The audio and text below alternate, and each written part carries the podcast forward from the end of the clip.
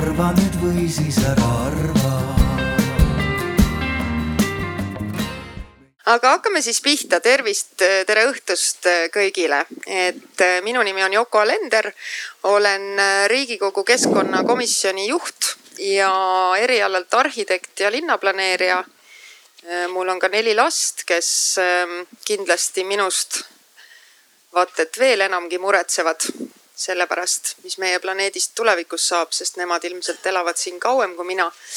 ja ma tänan alustuseks Rohetiigrit sellise fantastilise programmi kokkupanemise eest, nende tegevuse eest niikuinii ja, ja ka selle eest, et, et nad palusid mind modereerima seda tänast viimast paneeli, mis siis mõnes mõttes võib-olla võiks võtta kokku, aga seda kindlasti tulevikku vaatavalt. pealkiri on meil selline intrigeeriv, kuidas jääda uues majandusmudelis võitjaks kui me vaatame, kuidas jääda, see tähendab seda, et need inimesed, kes siin laval on, nad juba on võitjad. mõtlesin, et seda Reketi lugu Võitja peaks mängima, mis see võitja siis ka on, eks ole aga, aga kindlasti äh, siin üritati ka eelnevalt äh, natuke defineerida, milline see majandusmudel on, kas me räägime siis sellest nii-öelda sõõriku mudelist, tasamajandusest, kus siis looduselt võetud ressurss ei ole suurem, kui ta suudab ikkagi taastada mingil määral. ja, ja võib-olla võib-olla on selles majandusmudelis ikkagi veel mingisuguseid nüansse, mis on jäänud ka tänaseks lahti rääkimata ja, ja selle kõige kallal saame siis siin koos pureda. aega on meil päris palju, nii et kindlasti on oluline osa ka teil, hea publik. küsimused on oodatud ja ma arvan, et seda läbi kogu arutelu, meil on siin inimene mikrofoniga, nii et kohe, kui tuleb, tuleb mõtteid, siis andke aga käega märku. aga nüüd ma palun äh, meie head osalejad ähm, ise juhatavad sisse ennast, ütlevad seda, mida nemad enda kohta peavad oluliseks selles tänase äh, paneeli kontekstis ja, ja saame tuttavaks ja, ja siis juba jätkame temaatiliselt. palun alustame sinust. aitäh, tere kõigile, mina olen Kadri Kiisel. Äh, tulen LHV Pangast, äh, olen täna siis äh, juhatuse esimees ja, ja pikalt tegelikult LHV-s töötanud ka kümmekond aastat.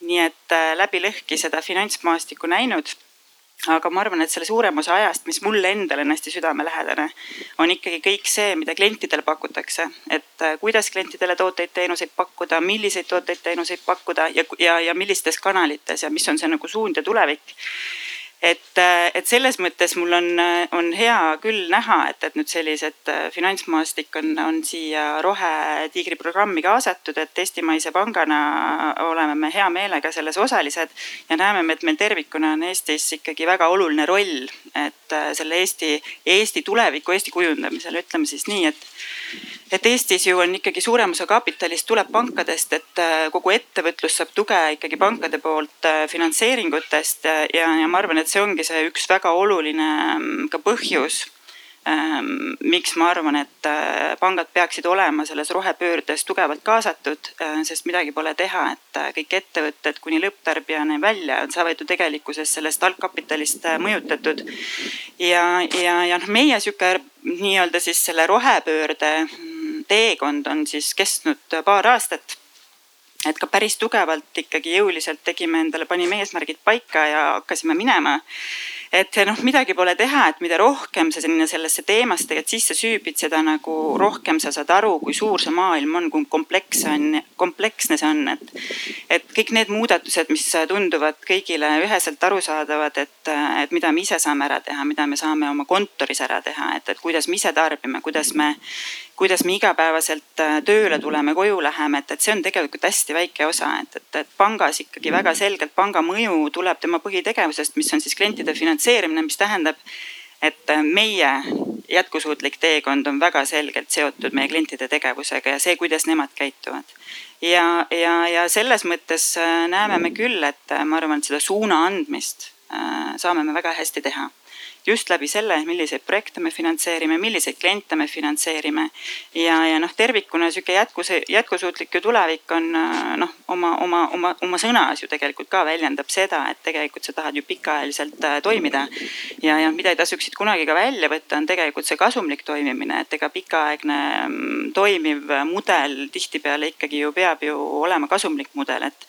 et äh, ja ma arvan, et see on see kõige, kõige sihuke mm, rohkem äh, sellist, ütleme niimoodi, et, et selles nagu valemis on kõige rohkem muutujaid, mida me tegelikult ei tea, et, et see on täna tohutu investeering, ajaline investeering investeering teadmistesse, investeering äh, igapäevategevustesse, et, et, et ega neid nagu garantiisid keegi ei tea ju, mis lõppkokkuvõttes välja tuleb, et aga, aga sinna me oleme jõudnud küll, et see on selline kollektiivne pingutus ja igaüks peab sinna panustama.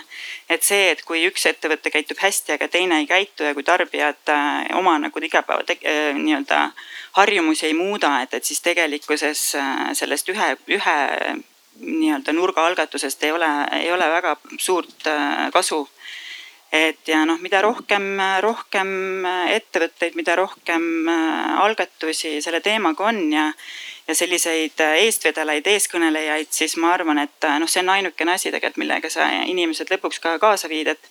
et kui me vaatame kasvõi meie organisatsioonis ka, et, et siis noh, tegelikult sai see ju, kogu see teekond sai alguse noh initsiatiivist altpoolt üles, et, et õhinapõhine käitumine, paar inimest, kes meil endal nagu töötavad, hakkasid sellest järjest rohkem rääkima, meie uued Äh, töötajad, keda me värbasime, noored, et hakkasid küsima meilt küsimusi, et kuidas me, kuidas me ikkagi äh, arvame, mida me arvame nendest teemadest, kuidas me käitume, mida me teeme teistmoodi. et noh, rääkimata regulatiivsetest nõuetest, mis, mis mingi hetk järjest enam nagu tulevad, mida me peame hakkama täitma, et noh, seda tuli nii mitmest kohast et, et noh, sihukese nagu sihukese Mm, altpoolt tuleva algatusena see kogu see projekt on alguse saanud ja, ja noh, esimese hooga tegelikult kõige raskem ülesanne oligi see, et kuidas üleüldse panna inimesed niimoodi mõtlema, et nad saaksid aru nendest teemadest, et miks see on oluline, mida me peame tegema. et noh, nüüd kaks aastat hiljem on küll päris nagu hea tunne on tegelikult öelda, et ma arvan, et noh, majast LHV-s on täna kuussada töötajat, et noh, ma pakun, et pooled inimesed ikkagi saavad aru mida see on no,, mida räägime, see tähendab. Lähme et, detailidesse. nüüd peab natukene jah. siis veel vaeva nägema, see on, see on ikka tohutu, ütleme, et ma arvan, et tervikuna see rohepööre on ikkagi ähm, ma arvan, et see on selline tohutu õppeprotsess ja, ja muutuste juhtimine. kindlasti, kindlasti et, see on, et lõpp, saame. see, see peab saama nagu mingisuguseks jah. elustiiliks, et, et, et ja lõpuks lähevad need alged ju igapäevategevustesse, protsessidesse, kas me räägime toodete arendusest, kas me räägime sellest et kuidas me ise käitume, et, et noh, see on tohutu komplekssus ja, ja tohutu nagu selline noh, ütleme aga nii, et ma arvan, et neid. jõuame, jõuame detailideni, lähme teiste, mehed tahavad aga, ka hirmsasti sõna saada, et Kaarel räägib, tutvustab ennast, kust sa tuled mis.... ma mõtlesin öelda lihtsalt, et ma olen Kaarel. just just. Kaarel Ots, Tallinna börsijuht, aga. väga hästi. veel lisada midagi või?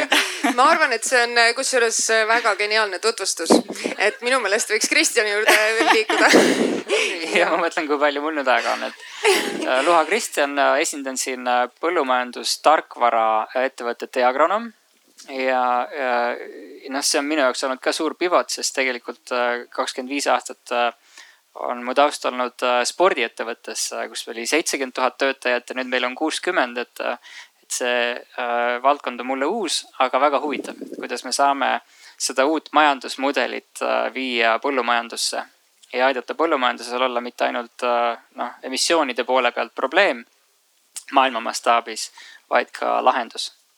aitäh ja edasi tuleb meil siis Urmo. Äh, tervist, Urmo Aava, Rally Estonia ja, ja minuga on selline huvitav asi üldse Rally Estoniaga, et ma arvan, et enamus ei saa aru, miks ma siin üldse olen. Aga ma sellepärast olen, me ise saame väga hästi aru, miks me siin peame olema ja, ja meid on selles suhtes õnnistatud, et et neid äh, kokkupuutepunkte, millega me täna tegeleme, et äh, IT-st kuni, äh, kuni siis põllumajanduse, metsanduseni, autonduseni, räägime siis laiemalt mobility'st, CO2 emissioonist, et, et me olemegi, saame ise, ise aru, et, et see sektor, kus me tuleme, et miks ta on toetatud, sellepärast on ta toetatud, võtame siis riigi või riikide poole pealt, et ta genereerib meeletut majanduslikku mõju. ja sellepärast on ta olnud nagu seksikas ja, ja ka tähelepanu. aga, aga kui ta seda kõike teeb, siis siis äh, igasugune muu mõju, mis ei ole nagu positiivne selles võtmes on, on ka olemas. ja, ja me oleme selleks siin, et, et algatada seda diskussiooni, arutleda ja, ja, ja kui me vaatame nagu väga selgelt, mitte alaväärsuskompleksiga, vaid väga selgelt peeglisse ja saame aru, mida me täna teeme ja mida me võiksime tulevikus teha ja, ja kuidas me ühe innovatiivse ürituse korraldajana siis võiksime teed näidata ja, ja ma ei tahaks öelda, et püsida võitjatena, et see on selline hästi filosoofiline arutelu. aga vähemalt enda edukat teekonda jätkata ja, ja viia ellu see muutus, mida me kõik tahame, aitäh. kusjuures ma siia, siia lisaks juurde, et see küsimus, et kuidas püsida võitjana mina lugesin seda ja ma tegelikult lugesin, et kuidas ellu jääda ikkagi.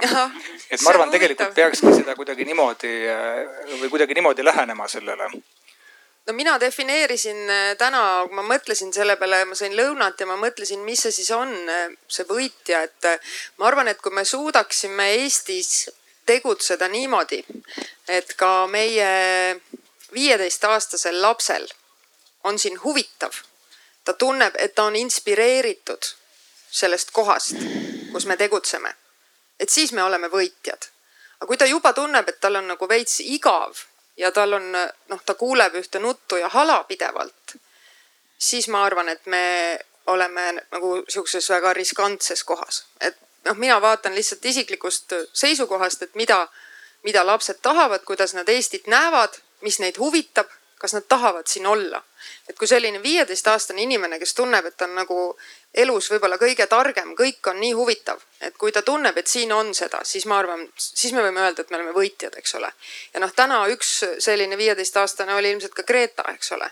et, et lihtsalt tuues selle siis siia konteksti. nüüd mida see rohepööre tähendab, kuulsin siit tuttav läks mööda ja ütles, et oli seal äh, linnapea kandidaatide debatt ja, ja noh, arhitektiga oli tegemist ja küsisin, et kas ruumist, linnaruumist ka räägiti, et noh, jah, et midagi, et seal rohepööre ja nii ja küsin, no mis see rohepööre siis oli nende jaoks ah noh, rohealad ja puud ja nii, eks ole.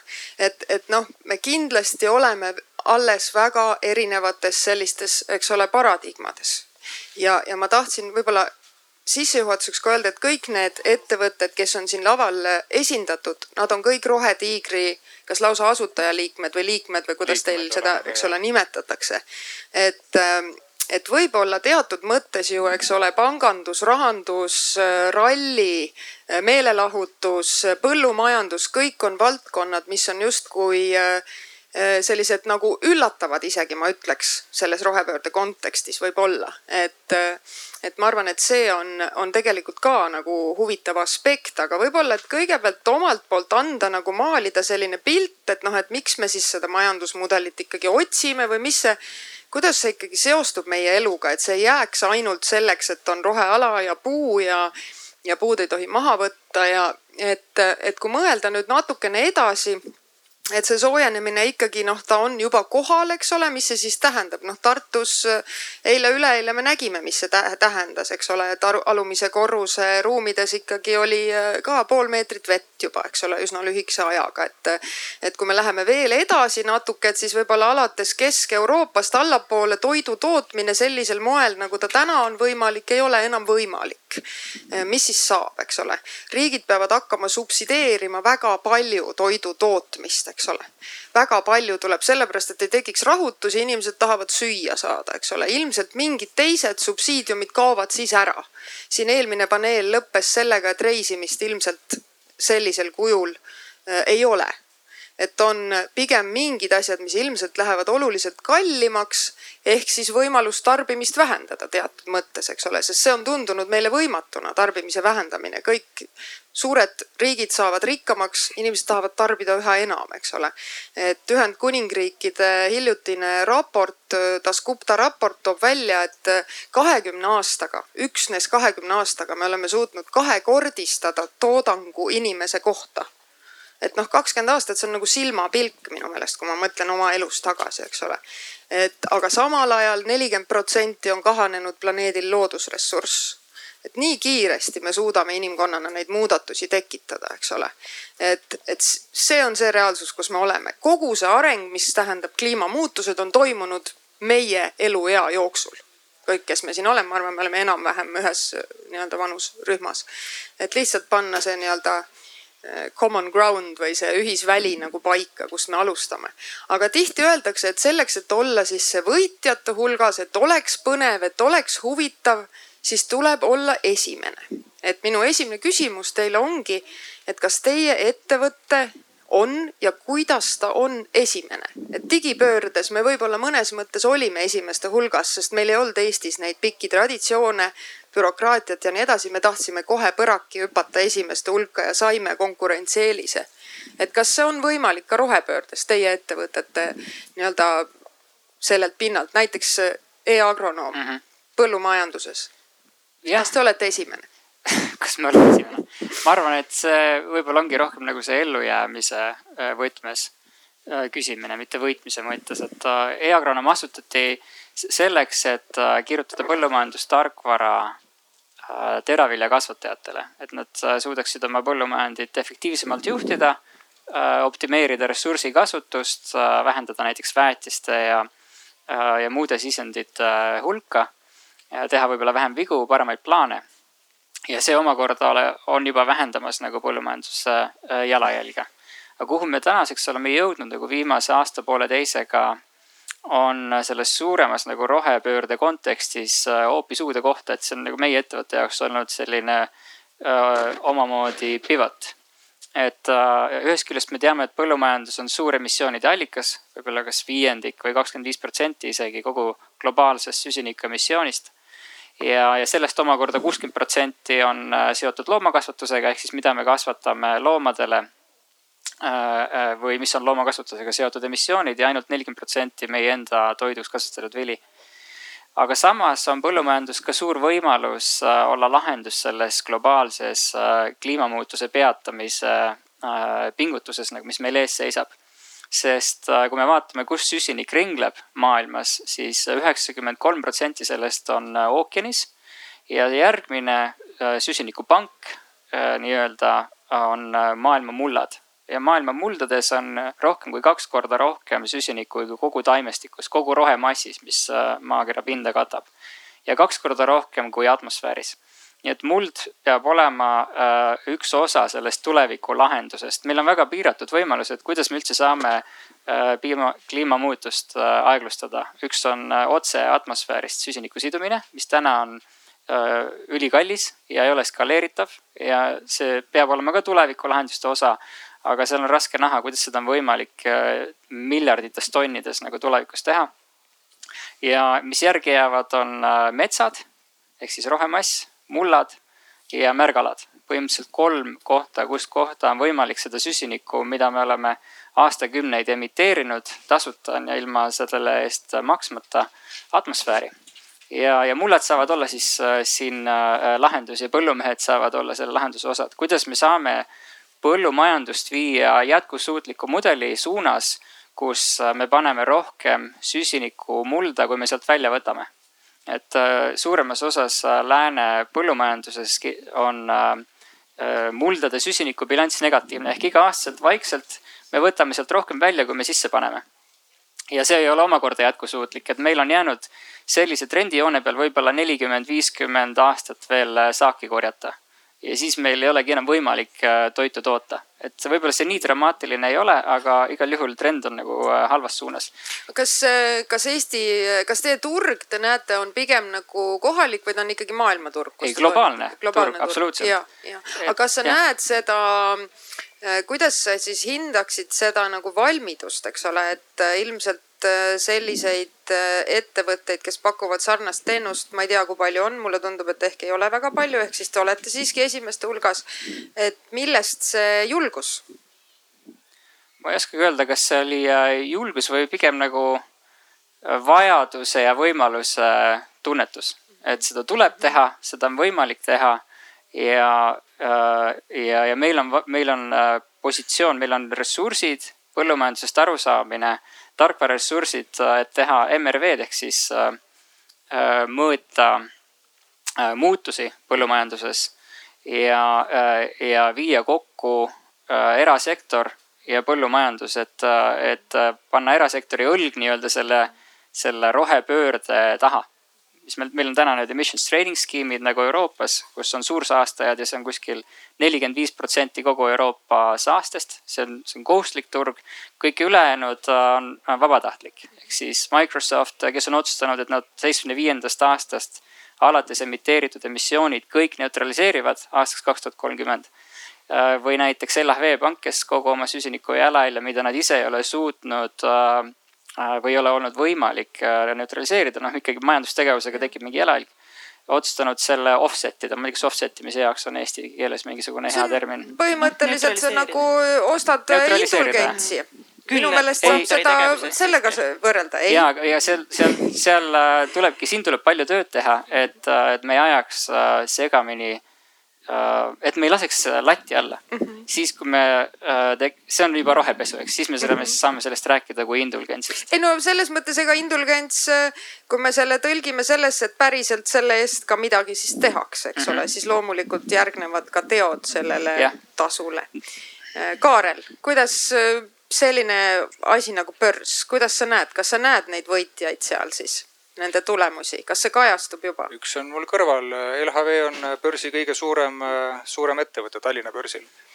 aga ma mõtlesin selle peale, mis sa ütlesid, et ja võib-olla keegi mõtleb ka niimoodi, et, et sa ütlesid, et üllatav on, et siin on need, et pangandus ja, ja rahandus ja nii edasi, et, et miks me üldse siin oleme. et minu jaoks ei ole midagi üllatavat siin ja ma tegelikult mõtlengi, et kui ma Mihkliga, Mihkel Tammoga siis rääkisin, ma imestan, et me varem ei ei asunud siis Rohetiigri liikmeks, et, et kui me mõtleme, mismoodi rahastatakse asju, eks. esimene mõte on, et on pangandus. aga tegelikult noh, mina tihti öeldakse ka, et, et pangandus on nagu inimese või majanduse vereringe. aga mõtleme, inimesel on tegelikult kaks vereringet, on ju. et anatoomias on see, üks on punane ja teine on sinine. mina näen, et see, ma ei tea, kui pangandus on punane, siis me oleme see sinine ehk kapitaliturg, eks ja, ja mida me näeme tegelikult ja no ütleme, meie, meie omanik on Nasdaq. ja Nasdaq on USA-s ja Põhjamaades. noh, maailma suuruselt teine, teine börs. ja me näeme tegelikult päris mitu aastat juba eh, muutusi, mis on eh, tänaseks väga kiiresti toimunud ma mäletan väga hästi, kui ma käisin eh, Pärnu finantskonverentsil ja rääkisin sellisest asjast nagu ESG tõin näite, et Larry Fink, Larry Fink on siis äh, maailma kõige suurema fondi BlackRock juht. BlackRockil on täna seitse triljonit umbes varasid, seitse triljonit, see on hoomamatu äh, number ja ma rääkisin seal, et äh, näed, et Larry Fink räägib, et ettevõtted peaksid rohkem panustama ühiskonna probleemidesse, kuna valitsused ei saa nendega hakkama, kuna need on muutunud nii kompleksseks ja et viie aasta pärast, see oli kaks tuhat kaheksateist aastal, viie aasta pärast on ESG kõige olulisem näitaja, kui arvutatakse ettevõtte väärtust ja tehakse investeerimisotsuseid. nüüd, mis see ESG on, see on lühend öö, sõnadest environment, social ja governance. Governance on põhimõtteliselt juhtimine, mis on olnud siis börsiettevõtetele sisuliselt siis kohustuslik raporteerida, kuidas nad midagi äh, siis teevad oma juhtimise juures, kui läbipaistvad nad on, kes neil on nõukogudes ja nii edasi. ja nüüd see E ja S on siis sinna juurde tulnud. ja täna me oleme siis aastas kaks tuhat kakskümmend üks ja mitte keegi ei kujuta ette, vähemalt börsiettevõtetest, et nad ei teeks seda. et minu jaoks see on tohutu kiire, kiire areng olnud. kaks tuhat kaheksateist oli enamus vaatas täiesti tühja pilguga seda, et see on täielik jama et mingi USA Larry Fink võib rääkida, mida ta tahab, et, et miks ta peaks niimoodi toimuma. kolm aastat tagasi ma olin Stockholmis, ärireis muuseas lennukiga, onju. olid ajad? olid ajad ja seal ma rääkisin ühe, ühe kohaliku väga suure fondi töötajaga, kelle siis äh, kaardi peal oli selline tiitel nagu Head of Sustainability ja siis ta ütles, rääkis sihukese toreda loo, et ta on viisteist aastat äh, teinud sama tööd et ennem ta vist oli project manager. ja siis veel midagi seal muutis ja nüüd on ta head of sustainability. sest nemad nagu oma ettevõtte sees on kogu aeg mõelnud, et see on eetika. eks, et meil on, täna on kuidagi pandud sellised uued ja moodsad ja kõlavad sõnad sinna nagu sustainable ja ESG. aga tegelikult see on nagu eetiline viis äri teha. Ja tulles tagasi selle Larry Fingi ennustuse juurde, et äh, see täna käib täistuuridel, ma ei räägi, et äh, Tallinna börsiettevõtted raporteerivad oma ESG-d. aga kui me mõtleme selle peale, et äh, noh, USA-s üheksakümmend protsenti hinnanguliselt nii-öelda nendest milleeniumi lastest tahab seda. ehk et seal on nagu ehe nõudlus on taga. Et mina soovitan alati, et kui mingisugune selline suur või mingi murranguline, kas mingi nihe või mingisugune muutus toimub, et follow the money ja tavaliselt on seal mingisugune rahaline stiimul taga ja Larry Fink hammustas selle väga lihtsalt läbi. me ei taju seda lihtsalt niimoodi, seal on triljonid ja triljonid dollarid, eks ole, mis lähevad siis ühelt põlvkonnalt teisele ja kui see põlvkond ütleb, et aga me tahame, et need ettevõtted niimoodi teevad, siis need ettevõtted teevad niimoodi. see võtab kõik aega ja see täpselt samamoodi töötab, töötab ka Põhjamaades. Siis on, jätame nüüd need jaeinvestorid ja noored kõrvale, paljud ütlevad, nendest ei sõltu midagi. mina vaidlen selle vastu, aga aga no oletame, et niimoodi, niimoodi on. võtame siis niisugused suured fondid, professionaalsed investorid, täpselt samamoodi. mõne aastaga seda on uuritud ja küsitletud, et, et mis siis juhtub, kui see ettevõte, kuhu teie peaksite raha panema, ei noh, ei adresseeri neid riske, näiteks kliimariski või kuidas see ettevõte, ma ei tea, oma veekasutust ähm, opereerib ja nii edasi. Mõne aastaga neli korda, neli korda muutus see arv siis, kes ütles, et nad üldse ei vaatakski seda. Nad üldse ei, ei, ei noh, see ei tule kõne allagi investeerida. ehk et see kõik on äh, sellise noh, ma ei tea, viie aasta teema. aga, aga ma nüüd võtan selle jutu niimoodi kokku, et, äh, et seda oleks hästi, ütleme tervislik vaadata just niimoodi, et äh, aga niimoodi ju peabki tegelikult. et, et see eetilisus ja selline no ma ei tea, arvestamine siis sellega, et, et kus sa midagi teed, kellega sa midagi teed, niimoodi, et sa ei noh, ma ei tea. et ei ole ainult see oma huvi mängus, eks, et sa natukene tegelikult päris palju peaks arvestama sellega, mis mulle see jalajälg ka tegelikult väga ei meeldi, aga no ütleme siis jalajälg, milline su jalajälg on. et see ongi selline eetiline viis äri teha. lugesin Warren Buffetti elulugu ja siis äh, noh, ta on ka selline üli nagu, nagu moraalne tüüp, eks väga rikas. mina teda isiklikult ei tunne, võib-olla ei ole väga-väga kõrge moraaliga, aga mulle vähemalt jääb selline mulje, et tal on see eetiline piir on väga-väga kõrgel. ja tema jaoks oli ka selline, et, et äh, see kuidas on äh, olulisem kui kui palju. sest ta võiks olla palju rikkam, aga ta lihtsalt valib seda, mida ta teeb. ja kui me mõtleme nüüd, et seesamane ESG, sustainability, kõik see ongi tegelikult selline, kuidas me noh, ise ka tahaksime elada, onju. noh, ma ei tea, kas ma viin oma need äh, vanad rehvid metsa alla lihtsalt sellepärast, et ma tean, et ma vahele ei jää. no ei vii, onju. et ettevõtetel, ma arvan, et see lihtsalt äh, mm,. ma ei tea, kas jällegi ettevõtetel, ma arvan, et see kuidagi äh, toimus mingi selline murrang. ma, ma tegelikult tahtsin öelda, et, et nad läksid hoogu liiga võib-olla et tegelikult see ettevõtted läksid hoogu. kasum läks vaata, hoogu vaata, natukene. ettevõtted üksinda hoogu ei lähe, et kõik, kõik kogu, kogu see, kogu see noh ütleme, need ettevõtted ise ju midagi ei toimetaks, kui pole nõudlust ja, ja. sellele varale. ahnus. kui me mõtleme, et millal see kiirendus hakkas see on tegelikult tuhat üheksasada viiskümmend umbes. ma tahtsingi öelda, et see on ikkagi meie eluajal siin juhtunud. no mina ikkagi olen hiljem sündinud. no minul on juba ka palju halli siin, eks ma olen täitsa hall juba, aga, aga seda nimetataksegi see suur kiirendus, great acceleration. ja kui mul oleks praegu paber, siis ma joonistaks teile selle mm, -hmm. selle maailma SKT. see on täpselt selline iga startup ettevõtja unistus, see on puhas hokikäpp mm. -hmm. ja tuhat kaheksasada umbes, teeme ajaloo ekskursi ka tuhat kaheksasada, siis ta oli täitsa flat selline, jooksis, jooksis, jooksis kuni tuhat üheksasada viiskümmend ja siis pani.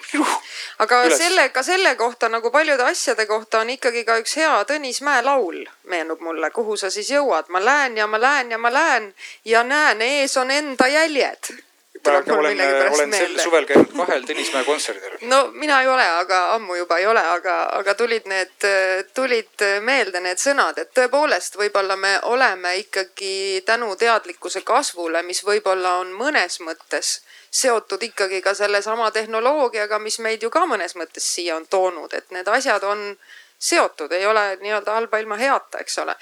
aga, aga lähme siit edasi, Urmo, kas me rääkisime siin eetikast, kas rallit saab teha, sõita eetiliselt? ma arvan, et kõigepealt peab panema lauda selle, et kas seda on üldse vaja, on ju seda ma ei julge küsida, sest et siis mul ei ole enam ühtegi valijat tulevikus ei, ma arvan, et seda peab küsima, mina saan seda küsida, et, et laias laastus on samamoodi nagu meie tegevusel valijad või hääletajad on ju, et meiega on see lihtne asi. Meil on päris et, palju neid. jah, et kas on vaja või ei ole vaja võib-olla ei olegi vaja, aga, aga kui me vaatame jällegi siis äh, nagu ajaloost äh, tagasi. seesama küsimus, mida sa püstitasid, et nagu miks me elame emotsionaalselt, mida me tahame teha, mis meid inspireerib, meid ilmselgelt nagu see, see asi inspireerib, mind on inspireerinud see sõitjana, nüüd korraldajana. Ja, ja minnes siis ajaloos tagasi, et äh, erinevatel aastatel selline kümme kuni neliteist maailmameistrivõistluste etappi on toimunud maailmas, et kuskil nad toimuvad ja Äh, ja siin planeedil Maa, et äh, küsimus on, kuidas seda siis teha. ja, ja kui seda saab teha Eestis äh, innovatiivselt ja väga hästi, siis noh, see jällegi ei ole nagu, nagu siis eesmärk nagu iseenesest, et, et kuidagi siin teha seda paremini, aga me oleme tahtnud seda kuidagi nagu geneetiliselt teha paremini, teistmoodi ja innovatiivselt ja, ja kui noh öelda ralli, siis kõik mõtlevad, et nagu noh, bensiini pead on ju, midagi ei mõtle. osad, osad meist nagu tegelikult mõtlevad küll, on ju. ja, ja, ja võib-olla nagu mõeldakse seda, et nagu kõige suurem küsimus on, et kuidas see nagu auto nüüd muuta siis nagu sisepõlemismootori pealt nagu elektrimootori jaoks. aga kui me võtame sellesama asja, et neid nagu maailmameistrivõistluste etappe või Rally Estonia, mis see nagu see nagu halb mõju on siis see tegelikult mõju on nii kompleksne ja, ja see meie muutus, äh, kus me siis oleme juba äh, olnud võitjad ja tahame jätkata, tegelikult on IT-arenduses nagu see kogu nagu väga suur võidukoht, et keskeltläbi ühe MM-etapi jaoks on vaja sellel nädalal kuskil kolm tuhat viissada inimest. ja ettevalmistaval perioodil selline kogu aasta sada inimest ja viimasel kuul selline paarsada inimest, et kui need nagu vuravad, nagu meie ralli korraldusala on kuskil olenevalt aastast neli, neljal kuni viie tuhandel ruutkilomeetril. ehk jah, probleem on selles, et me sõidame sisepõlemismootoritega üht, ühtpidi, aga küsimus tegelikult, sügav küsimus, kuidas me seda teeme. Kuidas me lõpuks ainult ei juhi ennast, vaid läbi selle IT meie selline pikem agenda on see et kui meil sellel aastal oli selline kakskümmend viis tuhat inimest siis rallinädalal koos pealtvaatajatega. et kuidas me neid kõiki juhime, kuidas me kõike planeerime ja kuidas äh, need mõjud oleksid minimaalsed. et saada sealt kätte see emotsioon, mida, mida sa ütlesid, et, äh, et, et me tahaksime siin, äh, siin nurgas nagu maailmas elada, et eestlus elaks ja, ja et me suudaksime edasi areneda. et see ongi see küsimus, et, et äh, tulles tagasi, meid on hästi lihtne välja lülitada, nii kui välja lülitada, ongi mõju null. aga äh, ma ütleks, et praegu võib-olla ei ole nagu mõistlik aeg, et siin, et seda, seda otsust saab veel tulevikus teha ilmselt kümnete aastate pärast. Ja no ma, arvan, tegelikult äh, ralliga seoses võiks siit laiendada nagu nii paljudes suundades, aga võib-olla alustuseks äh, mulle tundub, et teie jõuate ikkagi mõnes mõttes ka publikuni, kelleni võib-olla noh, riigikogu keskkonnakomisjoni esimees näiteks, mul on väga raske jõuda, eks ole, sest teda lihtsalt ei huvita. aga millegipärast ta tuleb, tal on seal see emotsioon, mis vaieldamatult käib inimeseks olemise juurde, eks ole, see põnevus sport kui selline. et kas te näete nagu siin seda rolli ja, ja, ja ma arvan ka, et noh, kui ma siin mõtlesin, et mis, mis debatt siis oli see, mis see rohepööre üldse on, kui palju me selle viie aastaga siin Kaarel tõi näite, eks ole, kui, kui palju seda teadmist on ka juurde tulnud juba selle ajaga, eks ole. et, et kuidas siis võtta kaasa ka need inimesed, kuidas seda teadmist äh, jagada, et kuidas, kas te saate seda ralli kaudu teha, kas te näete nagu seda rolli seal? ei, absoluutselt, et, ähm, et see väljalülitamine oli niisugune nagu intrigeeriv nali, et äh, loomulikult ei taha midagi välja lülitada, aga küsimus ongi, et äh, millega nad tulevad, kuidas nad tulevad ja, ja ei ole nagu küsimus tulemises või minemises, et, äh, et kuidas, kuidas nad saavad innustatud olema ja mõtlema ja analüüsima, et, et selle arutelu üldse nagu Rohetiigri laiem visioon on see, et et kuidas nagu mina, me kõik mõtleme. ja noh, ma arvan, et meil täna ju vastuseid ei ole, et, et kui oleks vastused, oleks siis tehtud, aga, aga, aga nagu vastus sinu küsimusele on see, et mida rohkem me siis rallile kaasame inimesi, anname neile selliseid mõtteterasid, mille ümber mõtiskleda, siis, siis tegelikult see neli päeva on piisavalt pikk aeg, et, et selle üle mõtiskleda ja, ja teha aga mis need konkreetsed asjad on, kuidas, kuidas see käib, ma, ma pole kunagi rallil käinud, ma tunnistan. väga lihtne küsimus on see, et noh, nagu siiagi tulles, et siin eelmises paneelis küsiti, et kuidas, kuidas tulid, et kas tulid jalarattaga, autoga, ühistranspordiga ja millise autoga, et. et kui, kui ilmtingimata peab autoga tulema, siis ei pea olema üksi autos, et võid olla viiekesi autos ja. saad siis mingi eelise? Sa saad otseselt on sul toredam autos, et sa ei ole üksi, aga see ongi nagu otsuse küsimus, et, et kas sa egoistlikult oled üksinda, äh, paiskad, äh, paiskad seda CO2, võtad ühe parkimiskoha, et noh, see ongi nagu see maailmavaate küsimus. ja noh, seda kõike me nagu kommunikeerime, et, et mida rohkem on inimesi autos, siis tegelikult meie kitsaskoht seda emotsiooni jagada nagu füüsilistele inimestele tulebki siis nagu infrast ja teedest ja parklatest. et metsades ja põldudel on piisavalt ruumi, et ka pool miljonit inimest panna, et ilmselt ka miljoneid inimesi. aga et lühikese ajaga nad sinna tuua, siis see on nagu logistiline küsimus, et see on üks väike näide ja noh, mida me kindlasti oleme suutnud juba selle üheteist aastaga teha, et kui me vaatame, et kus oli rallikultuur või ta võib-olla varasemalt ja kus ta on nagu täna, siis siis äh, üsna vähe näeme purjus inimesi ja, ja, ja kui see nagu kiiruskatse lõpeb ja inimesed lähevad sealt pealtvaatamisalast ära, siis üldiselt ei ole prügi maas, et me ei pea nagu liiga palju nagu prügiga tegelema. ja sealt edasi küsimus on, et, et missugune prügi siis, siis äh, seal prügikottides on, kuidas on see sorteeritud. Äh, jah, nagu ma ütlesin, et siin me võime nagu igas valdkonnas Äh, sulle väga meeldib see, kuidas me räägime, et, ähm, et äh, punast ristikut hakata külvama ja CO2 siduma ja, ja lämmastikuga maad väetama, et, äh, et me vajame kuskil kakssada mm, hektarit siis pealtvaatamisalasid on ju. nüüd on küsimus, et kuidas me põllumajandusega seda koostöös teeme.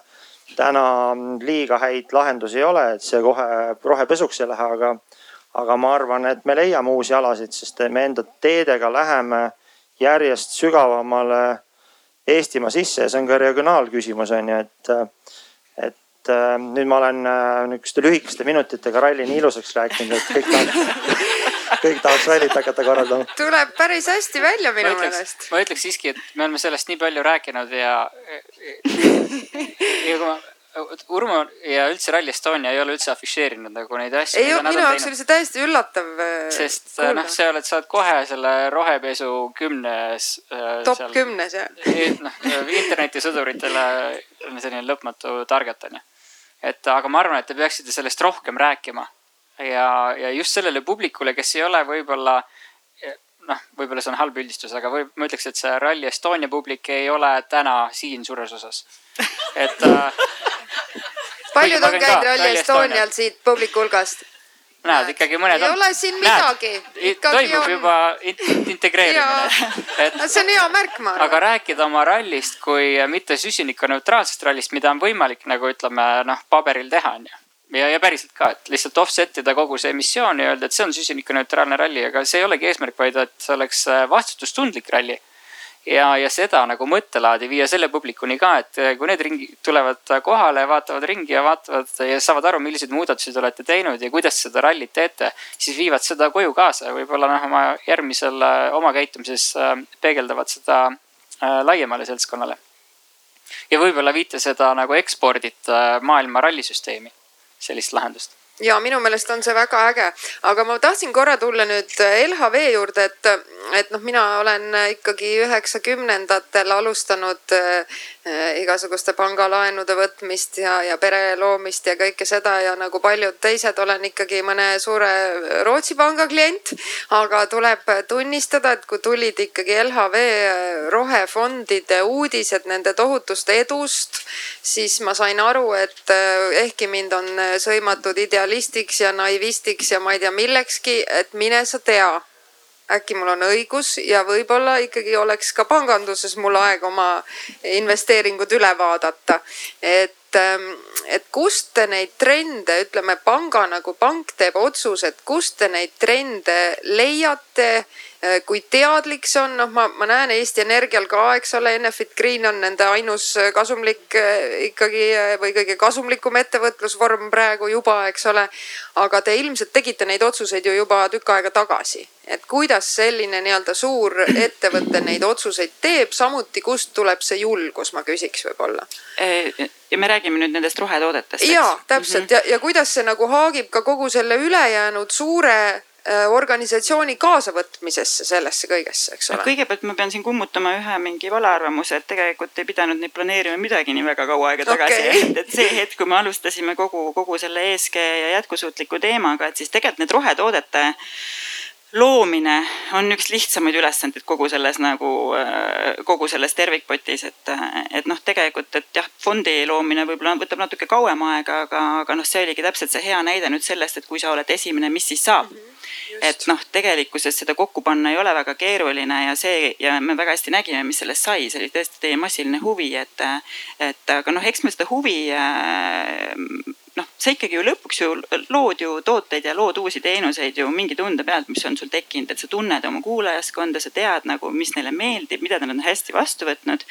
ja, ja noh, ma arvan, et see pensionifondi toode oligi tegelikult üks täpsemalt, üks selliseid tooteid, mis kõikidest nendest teistest toodetest eristus just selle nagu sisu poolest et ülejäänud rohetooted on ju tegelikult lihtsalt see, et sa natukene suunad klienti tegema natuke jätkusuutlikumaid otsuseid, et ja noh, põhimõtteliselt sa mm, teed seda hinnaga et see ei ole ju just noh, väga-väga sihuke keerukas mm. ülesanne, et ütleme nii, et sa hinnastad ta nagu madalamalt ja, ja see ongi see põhjus, miks klient seda valikut hakkab kaaluma.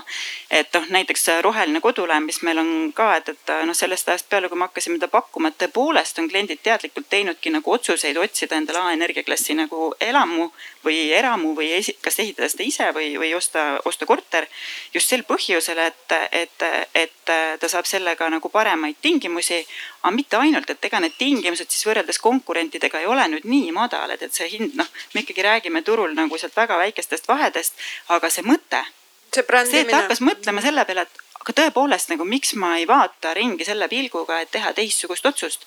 ja minu arust seesama nagu enda kuulajaskonna ärakasutamine ja, ja noh, no see ongi ju see, mida me teha saame, et, et LHV-l on ka peaaegu äh, kolmsada tuhat klienti varsti ja noh, ma arvan, et ralli fännid, et me alahindame seda mõju just, mis on sellel sõnumil mm. -hmm et, et, et sa ei jõua selle ralli fännini. Jah, täpselt sa ei jõua talle, ta, temani mitte kuidagi muud moodi kui läbi selle, kui, kui, kui, kui see nagu valdkond, mida ta fännab, annab talle mingisuguse sõnumi, mille peale mõelda. Ja, ja, ja ma arvan, et eks see ongi sihuke katsetamise koht, et, et et, et ja ka pangatoodete puhul ka, et, et me päris palju katsetame erinevaid asju, et kuidas vastu võetakse, et. et tihtipeale, et kus sa katsetama ei lähe, on see, kui sa pead tegema väga tuge, suure investeeringu, et, et siis sa võib-olla mõtled natuke rohkem. aga noh, ega me ju ei, me ju ei tee mingisugust heurekat, et noh, pangateenus on, mina ütlen täna on hügieenitoode. et, et, et inimesed on sellega nii harjunud ja nende peas on tavaline asi, et ma tahaks noh kasutada pangakaarti ja teha makset ja võib-olla siis võtta laenu, kus mul, kus mul on seda vaja aga see, kuidas sa seda teed.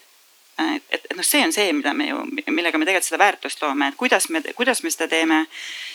ja, ja, ja mis me lõppkokkuvõttes nagu lisaks pakume, et noh, sest see on lõppkokkuvõttes taandub igasugune nagu muutuse nagu juurutamine või, või, või mingi, mingi oma, oma harjumuste muutmine äh, tähendab mingisugust emotsiooni et noh, seda ma ütlen, et noh, pangavahetus emotsionaalne otsus, see, millist toodet ma tarbin, puhas emotsioon, et noh, kuidagi tuleb see emotsioon nagu nüüd üles leida ja see nagu kohale viia. et noh, fännluse ärakasutamine see, et sa suudad nagu mingi sõnumiga midagi lisaks pakkuda, see, kui sõbrad-tuttavad räägivad, see suust suhu nagu ring, äh, nagu informatsioonivahetus, noh, need on need asjad, mis tegelikult seda muutust nagu sul kiirendavad. aga kuskil siin taga on ka ikkagi see nii-öelda mm, suure raha maailm, et võib-olla Kaarel mm, natukene, ma arvan, et sina, sina tead sellest mitte ainult ka võib-olla eraettevõtluse, aga noh, organisatsioonid nagu Maailmapank ja, ja Euroopa Keskpank, kes on ikkagi langetanud need otsused, et, et noh, igasugused fossiilsed kütuste, fossiilsetesse kütustesse investeeringud on ära lõpetatud, eks ole, et. et noh, kuskil meie peade kohal ja kaugel, eks ole, tundub see võib-olla, aga, aga tegelikkuses ju ka seal maailmas on, on need otsused tehtud, on see nii? no, nojah, võib-olla ütleks niimoodi selle eelmise ploki kokkuvõtteks, et äh, ma arvan, et äh, nii nagu Urmo rääkis väärtustest ja Kadri rääkis väärtustest, et meie näeme samamoodi, et, et väärtused ja investeerimine on, käivad nagu käsikäes. ja nüüd me võime hakata mõtlema, et, et kumb oli nüüd ennem, et kas äh, oli pakkumine või nõudlus ma arvan, et Elavee ka tajus, et äh, seal on äh, nõudlus. mingisugune nõudlus on olemas ja noh, me samamoodi, et meil on mingi selline, ma ei oskagi öelda, et kuidas seda nimetada, sisuliselt selline portaal, ESG Footprint. Põhjamaades, kus iga investor saab siis sisse logida ja lugeda siis ettevõtete kohta, et milline on nende siis selle ESG jalajälg, lihtsalt üks, üks selline näide. et, et see on muutunud jah, ja ja, ja, ma arvan, et ei olegi mingit suurt eurekat olnud seal, et lihtsalt tajuti ära, et, et pinnas on soodne. ja siis toodi oma, oma tooted, tooted turule. aga selle küsimuse juurde. ma ei mäleta, mida äh, kommenteeris riigikontrolör. ta oli, see oli mingisugune riigieelarve. aga ma enam ei mäleta, millal. siis ta ütles niimoodi, et, et suur raha ja ebaselged eesmärgid ei tohiks kokku käia. ja see oli Eesti riigieelarve kohta. kui me nüüd tõmbame selle nüüd laiemaks. võib-olla lihtsalt... see oli see õlitehas. mida? õlitehas. ei, ei, see oli, see oli laiemalt, et väga segane, ühesõnaga see point oli nagu see, et, et kui sa loed riigieelarve seda seletuskirja, siis eh, noh, tavainimene sellest aru ei saa, isegi kes on eh, õppinud eh, rahandust, onju. et see on nii segane mm. -hmm. aga nüüd, kui me mõtleme, me räägime rohepöördest. mis on selle eesmärk? keegi öelge publikust, mis on rohepöörde eesmärk? no kas seda on võimalik niimoodi lihtsalt? muidugi on, äh, peatada, peatada see selle pooleteise no, kraadi juures. no, no, no poolteist kraadi, vaata, et mina see on minu meelest ülilihtsustatud selline. minu jaoks selline, kui me räägime kliimamuutusest, see ei võrdu temperatuuriga, et, et seal on väga palju muud, et kui sul on äh, kehatemperatuur poolteist kraadi kõrgem kogu aeg. see on, seda on väga lihtne niimoodi poolteist kraadi on nii väike, et see ei tekita mitte mingisugust emotsiooni, seda asja peaks müüma hoopis teistmoodi just nimelt ja, ja vaata, see on see, et äh, miks ma ütlen, et kui sul on suur raha taga, onju. et see suur raha ei ole ainult see, mis antakse, et tehke ära. me hakkame kõik maksma seda sellist olukorda ka ei teki, et, et meil ei teki mingisuguseid uusi makse. tekib ja mitte vähe. ja see, et, et täna sellest ei räägita, minu meelest on kurioosne ähm,. miks? sa rääkisid Euroopa, no ütleme, võtame Euroopa laiemalt, Euroopa Liit või, või komisjon polegi, polegi tähtis. Neil on selline äh, dokument siis äh,, taksonoomia on ta nimetus, seal on üle kuuesaja lehekülje. ja see on ainult üks osa ja see praegu keskendub äh, keskkonnaküsimustele. mis on selle asja mõte? ta sisuliselt defineerib ära kõik tegevused, kõik, mis ettevõte üldse on roheline. miks nad seda teevad? sellepärast, et raha siis liigub ja teab, kuhu liikuda. kas see raha siis äh, nendele rohelistele ettevõtetele on odavam või nendele pruunidele siis on kallim, see ei olegi tähtis, aga vahe tehakse sisse selle taksonoomiaga see täna käib juba, need standardid tulevad välja vist paari aastaga juba. et, et see, et me räägime iga päev ainult koroonast ja presidendivalimistest on jama. et seda peaks rääkima, kus on debatt äh, ma ei tea, roheinvesteeringute osas näiteks Eestis, kuhu raha panna. meil on kogu aeg see, et, et noh, võtaks laenu, pole midagi teha. täiskiirusel see rong liigub tegelikult täna. Üks selline hea, hea asi mul tuli meelde, mis seal taksonoomias on selline väljend. Do no significant harm, et sul on ära äh, siis äh, defineeritud mingid äh, tegevused. Ja miks ma ütlesin, et see ei ole ainult temperatuur, et see on elurikkus, kõik see muu. ja kui sul ettevõte teeb, ma ei tea, mis see significant seal täpselt tähendab, ma ei ole seda kuussada läbi lugenud, aga sa ei saa kahjustada. Ja ma arvan, see on tegelikult võti, et sa ei saa nagu kahjustada seda, äh, kus sa, kus sa midagi teed, eks. ja selle peale tegelikult noh, okei okay,, börsiettevõtted on need, kes esimesena saavad selle noh, nimetame no see seda. fossiilkütus on hästi nagu see ikka esimene lihtsustus, eks ole, aga sinna järjest lisatakse valdkondi, eks ole. nüüd selle järgmise Fit for 55 paketiga tuleb juba viis erinevat valdkonda, kuhu läheb täpselt seesama süsteem peale, eks ole, ehk siis tegelikult hind tõuseb. just nimelt, aga, aga minu naaber ennem rääkis ka, et, et mul need numbrid ei jäänud meelde, eks ole, et aga kui palju siis äh, märgalad ja, ja mullastik tegelikult seovad äh, CO kahte see on sama oluline tegelikult, kui me mõtleme, miks minu jaoks väga see just selline see temperatuuriga äh, võrdlemine ei meeldi, on see, et, et noh, oletame, et meil on selline olukord. ma teen niimoodi, kõik korraks äh, uinuvad, silmad teevad lahti, siis me oleme läinud üle taastuvenergiale, kogu maailm. kõik lihtsalt niimoodi, kõik on neid äh, väikseid antenne täis, tiivikud pöörlevad, on ju, ja, ja ühtegi, ühtegi fossiilset kütust ei kasuta. teeme Nii, ära. teeme te,, no me võime teha saatke see pudel ringi käima. aga ühesõnaga, kas me kujutame nüüd ette, et olukorras, kus aastaks kaks tuhat ükssada, sinna on nüüd umbes sama palju aega, kui siis tuhat üheksasaja viiekümnest me oleme siis nüüd kiirendanud, eks mm. -hmm. umbes sama palju. selleks ajaks meil on üksteist miljardit inimest maakeral. nii, me tarbime ja teeme kõiki asju täpselt samamoodi nagu me täna teeme. meil tuleb juurde neli miljardit inimest ja kas me tõesti kujutame ette, et meil on nüüd tiivikud ja päiksepaneelid ja siis me plaksutame, et, et nüüd me oleme jätkusuutlik maakera. see on ju täielik jama. et sellepärast ma ütlen, et äh, kõik selline. abiks oleks loodus, ikka, ma ütleks. ma arvan, et ei ole. ma arvan, et äh, ütleme, mina oma eluajal. aga mis see nagu point nii, on, et tarbida vähem? Äh, noh, jah ühe, ühe, ühe sõnaga. ütleme seda Indiale ja Hiinale. Ähm, vaat just nimelt ja ma tahtsingi sinna jõuda, et et mis, äh, ma arvan, et mitte kedagi ei saa hirmutada hoolima mitte millestki. mitte ühtegi asja ei tee, sellepärast sa võib-olla äh, üritad suitsetamist maha jätta, sellepärast sa kardad ära surra, onju. aga, aga üldiselt selline nagu väärtustest äh, äh, hoolimine, seda ei saa hirmutamisega teha. ja vaata, kui sa aru ei saa sellest, et et tegelikult see, et ma ei tea, ma ostan endale mingi mitu paari tosse, eks või, äh, või iPhone või mida iganes, eks ole, et tegelikult see, ma juba tegelikult tarbin palju rohkem kui keskmine äh, inimene, kui me mõtleme maakera peale, on ju. kõik see hävitus tehakse kuskil mujal.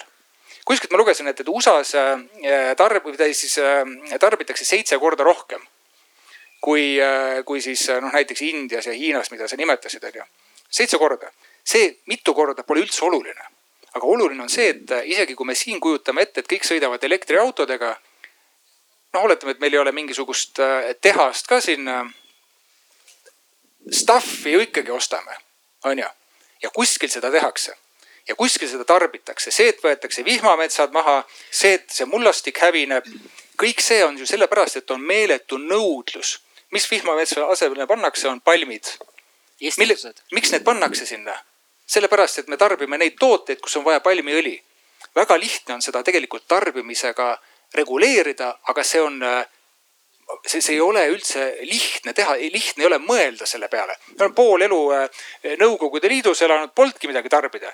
muidugi tahaks äh, nüüd, eks ole, et, et kuidas sa võrdled seda, see on nii keeruline. kuidas, oletame, et, et äh, mingi, ma ei tea, Al Gore on ju kunagi hakkas rääkima, et, et vana on mitu maja, igal pool on bassein, ütleb, kuulge, teie tarbige vähem no niimoodi ei saa, aga, aga kuhu see piir, kuhu see piir tõmmata? et see on minu meelest üli-ülikriitiline, äh, palju kriitilisem kui, kui see, et CO2 ja, ja sõiduautod. ma saan aru, et sõiduauto on väga selline, kõik saavad aru, suhestuvad sellega kuidagi. aga see, mis toimub, no ma ei tea, võtame elektriauto näite näiteks. kõik sõidavad siin elektriautoga, eks ole. kust tuleb see materjal sinna sisse? Boliivias, Kongos. Väiksed lapsed kaevavad seal. väiksed lapsed kaevavad. Telefonis, ma just lugesin, et telefonis on, kasutatakse sellist asja nagu neodüüm, millest tehakse magneteid neodüümi on muuseas fos-, äh, fosforiidis.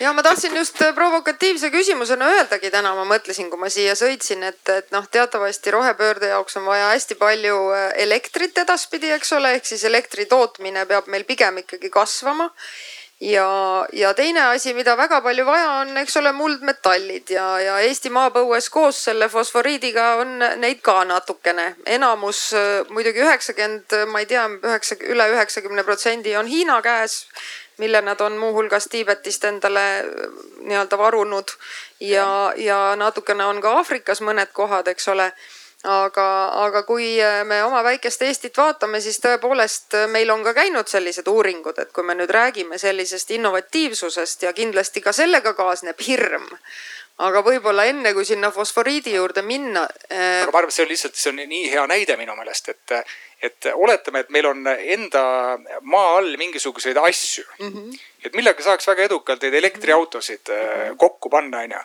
et kui paljud ütleks, et okei okay,, hakkame just, kaevandama. ei taha öelda, onju, et palju lihtsam on, see on kuskil äh, noh, mujal mm. -hmm. aga äh, on küsimus jah?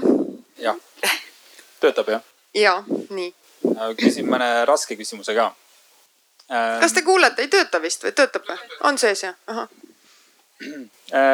finants on siis teema ja arvatavasti panka ja börsi läheb see küsimus. et selles mõttes on ju tore näha, et et kapitali saab kasutada tänapäeval selleks, et investeerida äh, asjadesse, mis toovad muutuse ähm,. kas te näete ka mingisuguseid nõrkuseid kapitalil ja nüüd investeerimis äh,, äh, kogu investeerimisturul? ma toon näiteks ühe näite ähm,. Lõuna-Aafrikas Cape Townis oli mõni aasta tagasi oli suur veekriis ja ja meetod, kuidas siis seda lahendati, oli, et võeti green bonds'e. siis rohelised riigi, roheline riigi. rohelised võlakirjad. rohelised võlakirjad jah. ja, ja rohelistest võlakirjadest on saanud väga, väga trendi või väga-väga kuum investeerimisportfell, sest need pannakse kõik ühte security'sse portfelli ja siis müüakse edasi. no teie teate paremini neid asju aga probleem siin on selles, et kui mina olen üks härra, kellel on kahe triljoni väärtuses green bonds'e kunagi. kumba ma tahan, kas ma tahan seda, et äh, looduskatastroofe tuleb juurde või ma tahan, et neid on vähem. ja see loodusega spekuleerimisküsimus, et sa spekuleerid, et looduskatastroofe tuleb juurde, sellepärast et siis äh, minu raha väärtus kasvab või siis see, et eh, see aasta oli uudis, et kusagil hakati spekuleerima ka veega. et vee väärtus kasvaks? jah. kes et, tahab vastata? ma võin alustada küll, et noh, see on ju, see, see, ütleme, et me saame sellesama teema jätku teha nüüd nende väärtuste pealt, et, et mulle tundubki see, et, et kui noh, muidugi ma ütlen, et ma ei tea, kuidas ta mõtleb, aga ka täna on ju tegelikult spekulante, kes tegelikult, kes ainult nagu tahavadki teenida endale rohkem tulu et ega lõppkokkuvõttes äh, ongi ju seesama see governance'i teema tegelikult, mis puudutab nagu seda, kuidas sa ettevõtteid juhid, ongi see, mis peaks maandama neid riske. Et noh, et kas, kas LHV läheks seda teed, et ta põhimõtteliselt nagu paberil justkui nagu näitab, et kõik on hästi, aga tegelikult taustal teeme neid hämaraid tegusid ja ikkagi teeme neid, äh, tegeleme nende teemadega, mis siis meile kõige rohkem tulu teenivad või me päriselt tahame, tahame teha, teha, teha liikuda selles suunas, et, et see oleks tervikuna nagu täidaks neid äh, eesmärke, mille, mille nimel me täna siin istume et äh, aga ma ütlen, et ega, ega selles mõttes see maailm on ju noh, pangandus ja üleüldse finantsmaailm on nii tugevalt reguleeritud et, et tegelikult on sul kogu see raporteerimiskohustus ja see, et, et ega sa oled väga põhimõtteliselt tükkideks, pulkadeks tehtud ja, ja noh, see, kuidas sa nagu igapäevaselt oma asju nagu teed, siis seda sa põhimõtteliselt väljapoole selliselt ka näitad, et. ja noh, see on tegelikult see kõige nagu keerulisem osa nüüd kogu sellest nagu projektist üldse, et et, et tegelikult selleks, et äh, näidata, et me liigume õiges suunas, me peame alustama kõigepealt nagu mõõtmisega. peame alustama mõõtmisega ja noh, ma ütlen, see on, et noh, täna okei okay,, neid metoodikaid on nagu erinevaid olemas küll ja, ja see, mida, mida kasutusele võtta, mitte. Aga noh, sisuliselt on, on see üks väga suur tükk, mis vajab nagu lahendamist, et et aga minu arust seesama näide on ju puhtalt see, et ega maailmast ei kao ära inimesed, kes on, kes tegelevad selle nimel, et, et enda, enda mingisugust motivatsiooni täita et ja ma pakun, et tegelikult nüüd seesama dilemma, mis sealt läbi käis, tegelikult saab tugevalt ikkagi äh, reguleeritud ja, ja need asjad ei tohiks nagu sellisel kujul juhtuda. et ähm, noh, täna ta vist ei ole, on ju, aga noh, see tundub, see, see tundub ainukene nagu variant, kuhu suunas ta liigub, et. Et äh, sest noh, finantsmaailma ju sisuliselt ikkagi äh, juhivad regulatsioonid, kui nii öelda, et tohututest, tohututest kogustest täna ka kümneid, kümneid tuhandeid lehekülgi.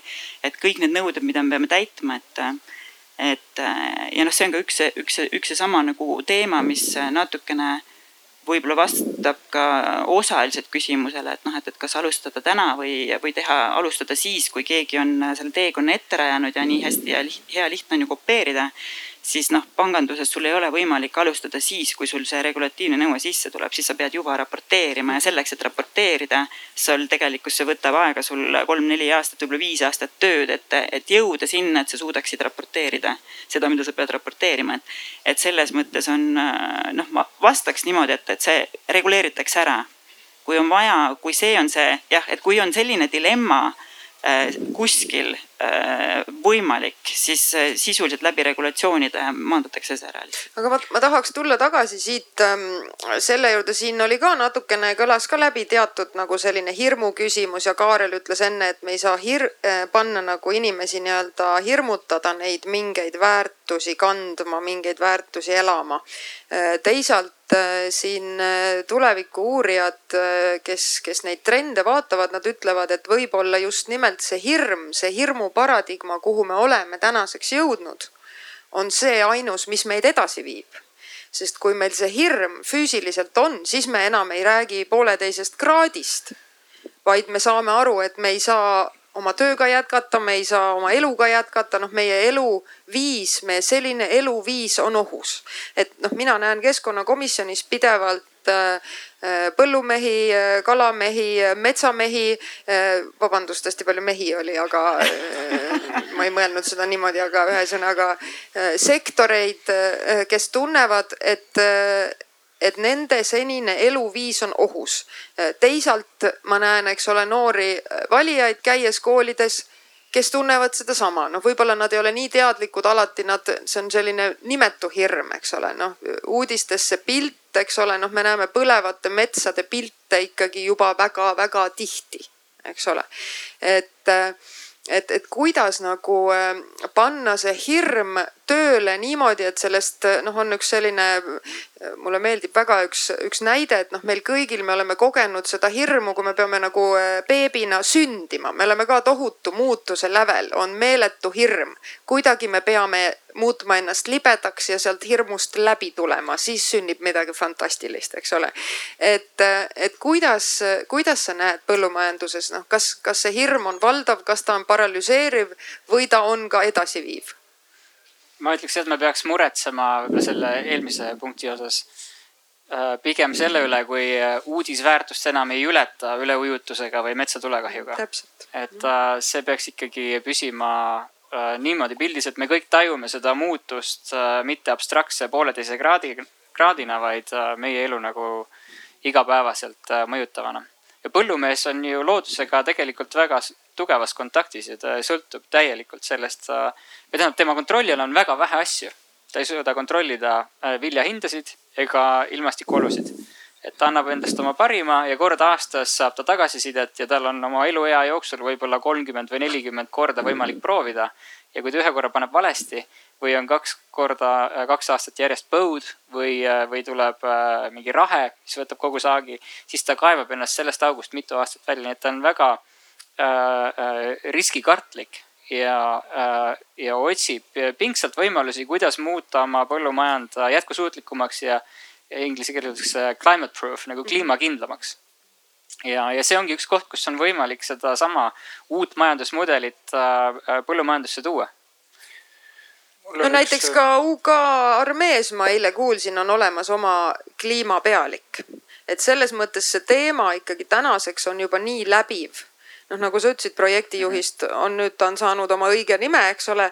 et see mitte pole, ma arvan, sellepärast, et see on trendikas vaid sellepärast, et me lihtsalt oskame nüüd asju õigete nimedega rohkem nimetada võib-olla. ma toon ühe näite veel Kaarli varasema punkti juurde ka, kus üks maailma suurimaid maaomanikke on äh, põllumajandusmaa omanikke on pensionifond, Ameerika pensionifond ja, ja neil on Poolas nelikümmend tuhat hektarit põllumaad, Rumeenias ka nelikümmend tuhat hektarit põllumaad ja siis väga palju Lõuna-Ameerikas ja, ja, Ameerikas.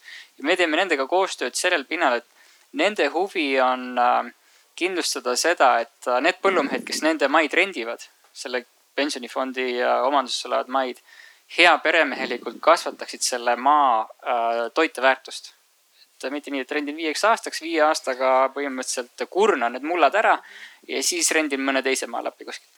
et äh, neid huvitab see, kuidas saab mõõta, mis on selle äh, põllumaa süsinikubilanss ja kuidas see muutub ja, ja mitte ainult süsinikubilanss, vaid tulevikus ka liigirikkus ja, ja, ja vee kvaliteet, äh, mis neid põlde ümbritseb et äh, nad vaatavad seda pikas plaanis ja see on nende ESG teema on ju. Mhm. et kuidas seda maad äh, vastutustundlikult äh, majandada, sest siis on selle maa väärtus kõrgem.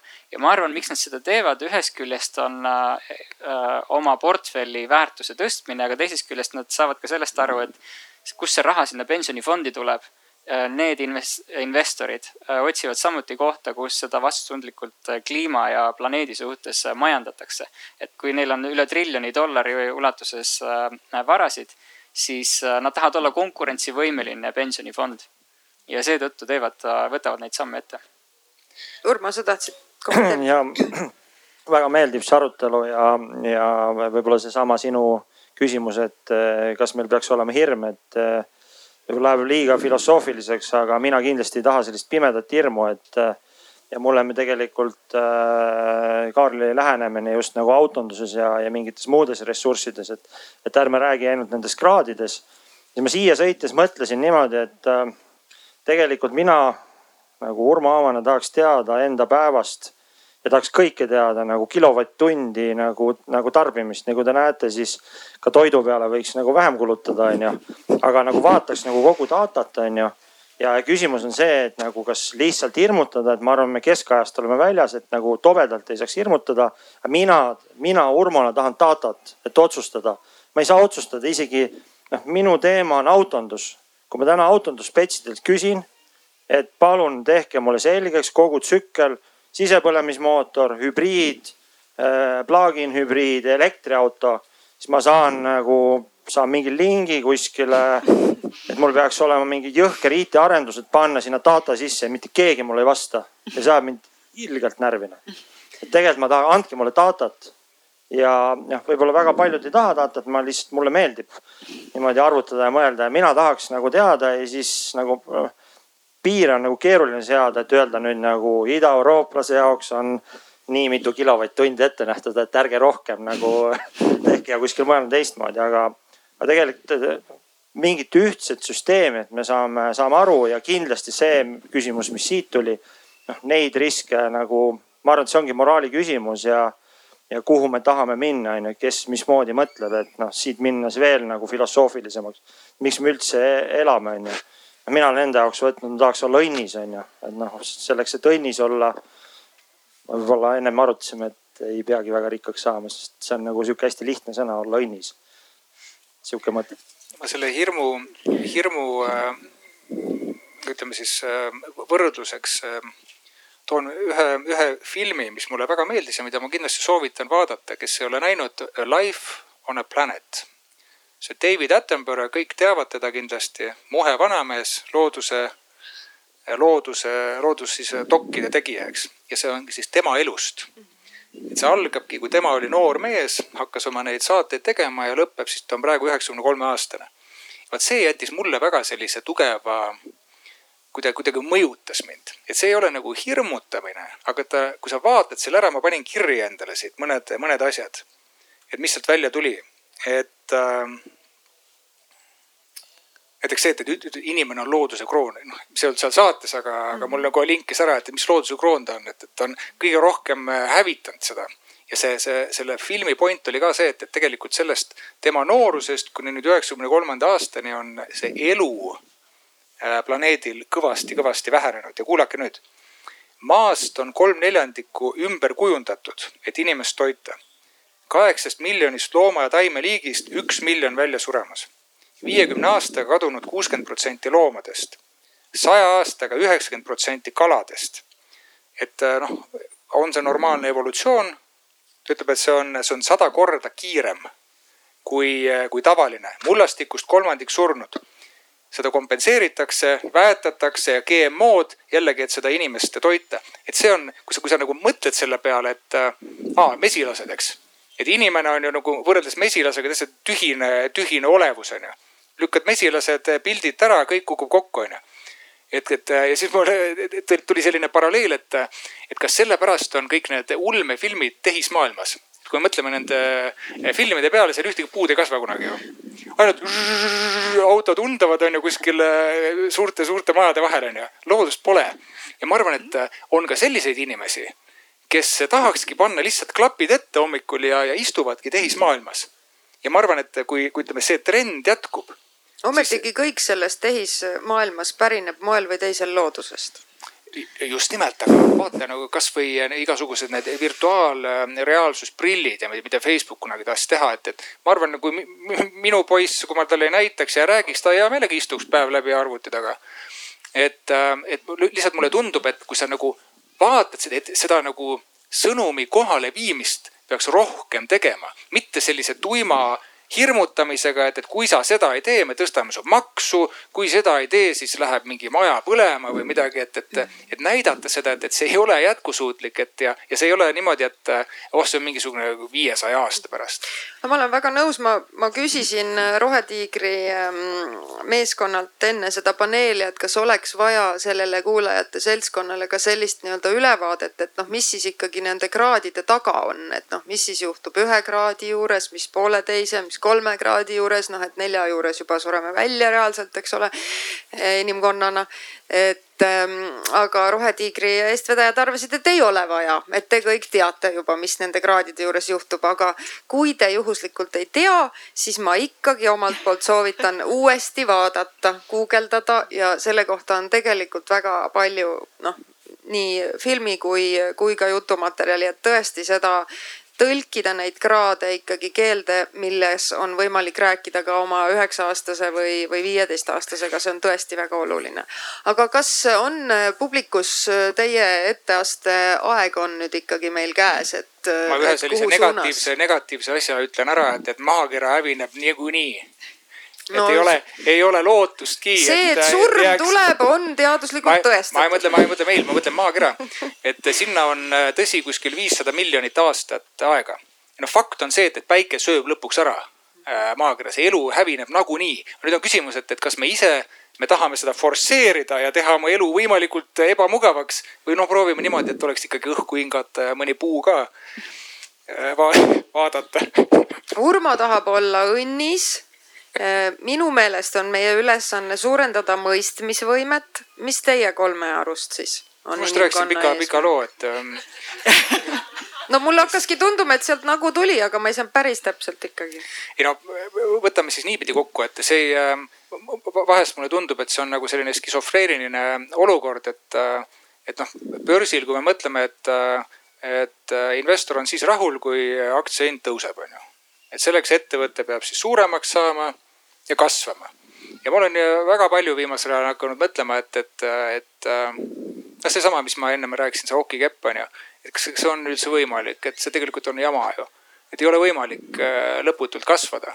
ja nüüd ongi see küsimus, et äh, Armin Koomägi kirjutas mega hea raamatu Hea firma, eks, et tal oli seal selline, selline väljend nagu jätkusuutlik kahanemine.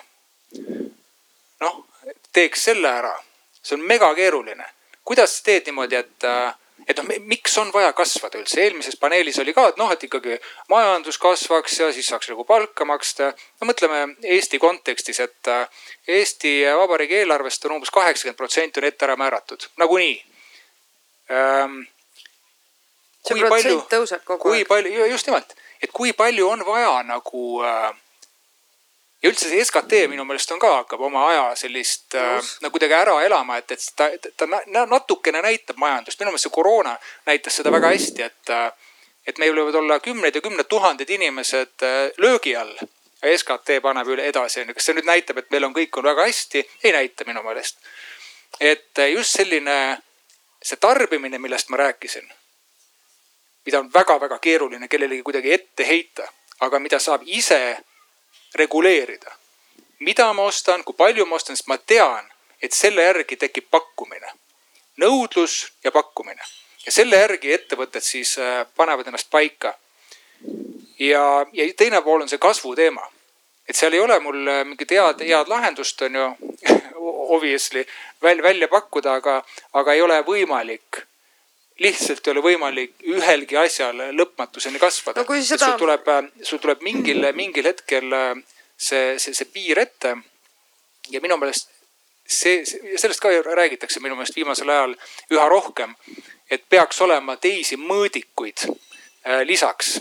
on, mõõdetakse ka juba, et. Äh, no elukvaliteet, eks ole, kõik, kõik sellised asjad, eks ole. just mis ei ka... koosne ainult SKT numbrist. Äh, jah, aga seal on vaja hästi süsteemset äh, muutust, et ühel äh, ettevõttel nagu otsustada, ma mõtlesin nagu Nike'i näite peale, et Nike'is on alati öeldud, et we are a growth company, et me oleme kasvuettevõte ja nad on suutnud niimoodi minna kahe miljardi pealt neljakümne miljardilise käibeni, kasvades umbes kaheksa protsenti aastas, kakskümmend aastat järjest. Ja, ja neil ei ole võimalik nagu seda äh,, seda pivot'it teha. Et me nüüd oleme jätkusuutlik kasvuettevõte, et äh, me hakkame nagu tasaarengut äh, otsima, sest äh, börs ei luba neil seda teha.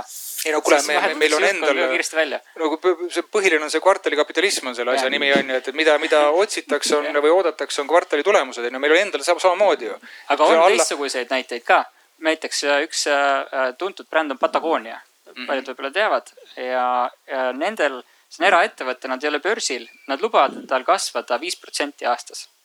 Äh, kuigi nende nõudlus, tänane nõudlus on kasvada viiskümmend, seitsekümmend protsenti aastas, kõik nende otsused, mis nad teevad, äh, teevad nad läbi ühe filtri. Äh, what does it do for the planet?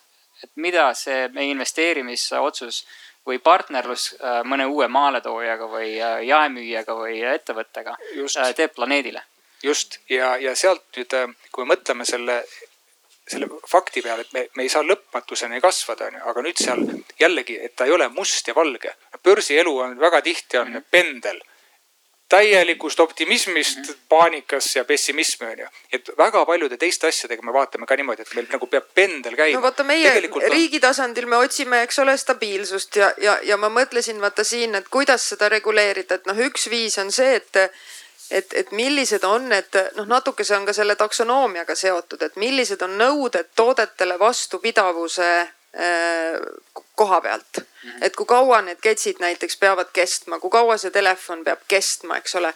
et ma kipun arvama, et see on üks viis, kuidas me peame hakkama sekkuma, eks ole, sellepärast et lihtsalt äh, neid ressursse, millest neid ketse või neid telefone teha, ei ole nii palju, eks ole. just nimelt, aga see on see moodne sõna on ringmajandus on ju.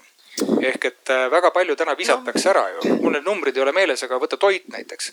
ja toidust ju ka ja noh, kui sa mõtled nagu jällegi globaalselt on ju, et meil on kuskil tarbitakse mega palju, tarbitakse üle ja siis on mingid kohad, kus on, mis on näljas.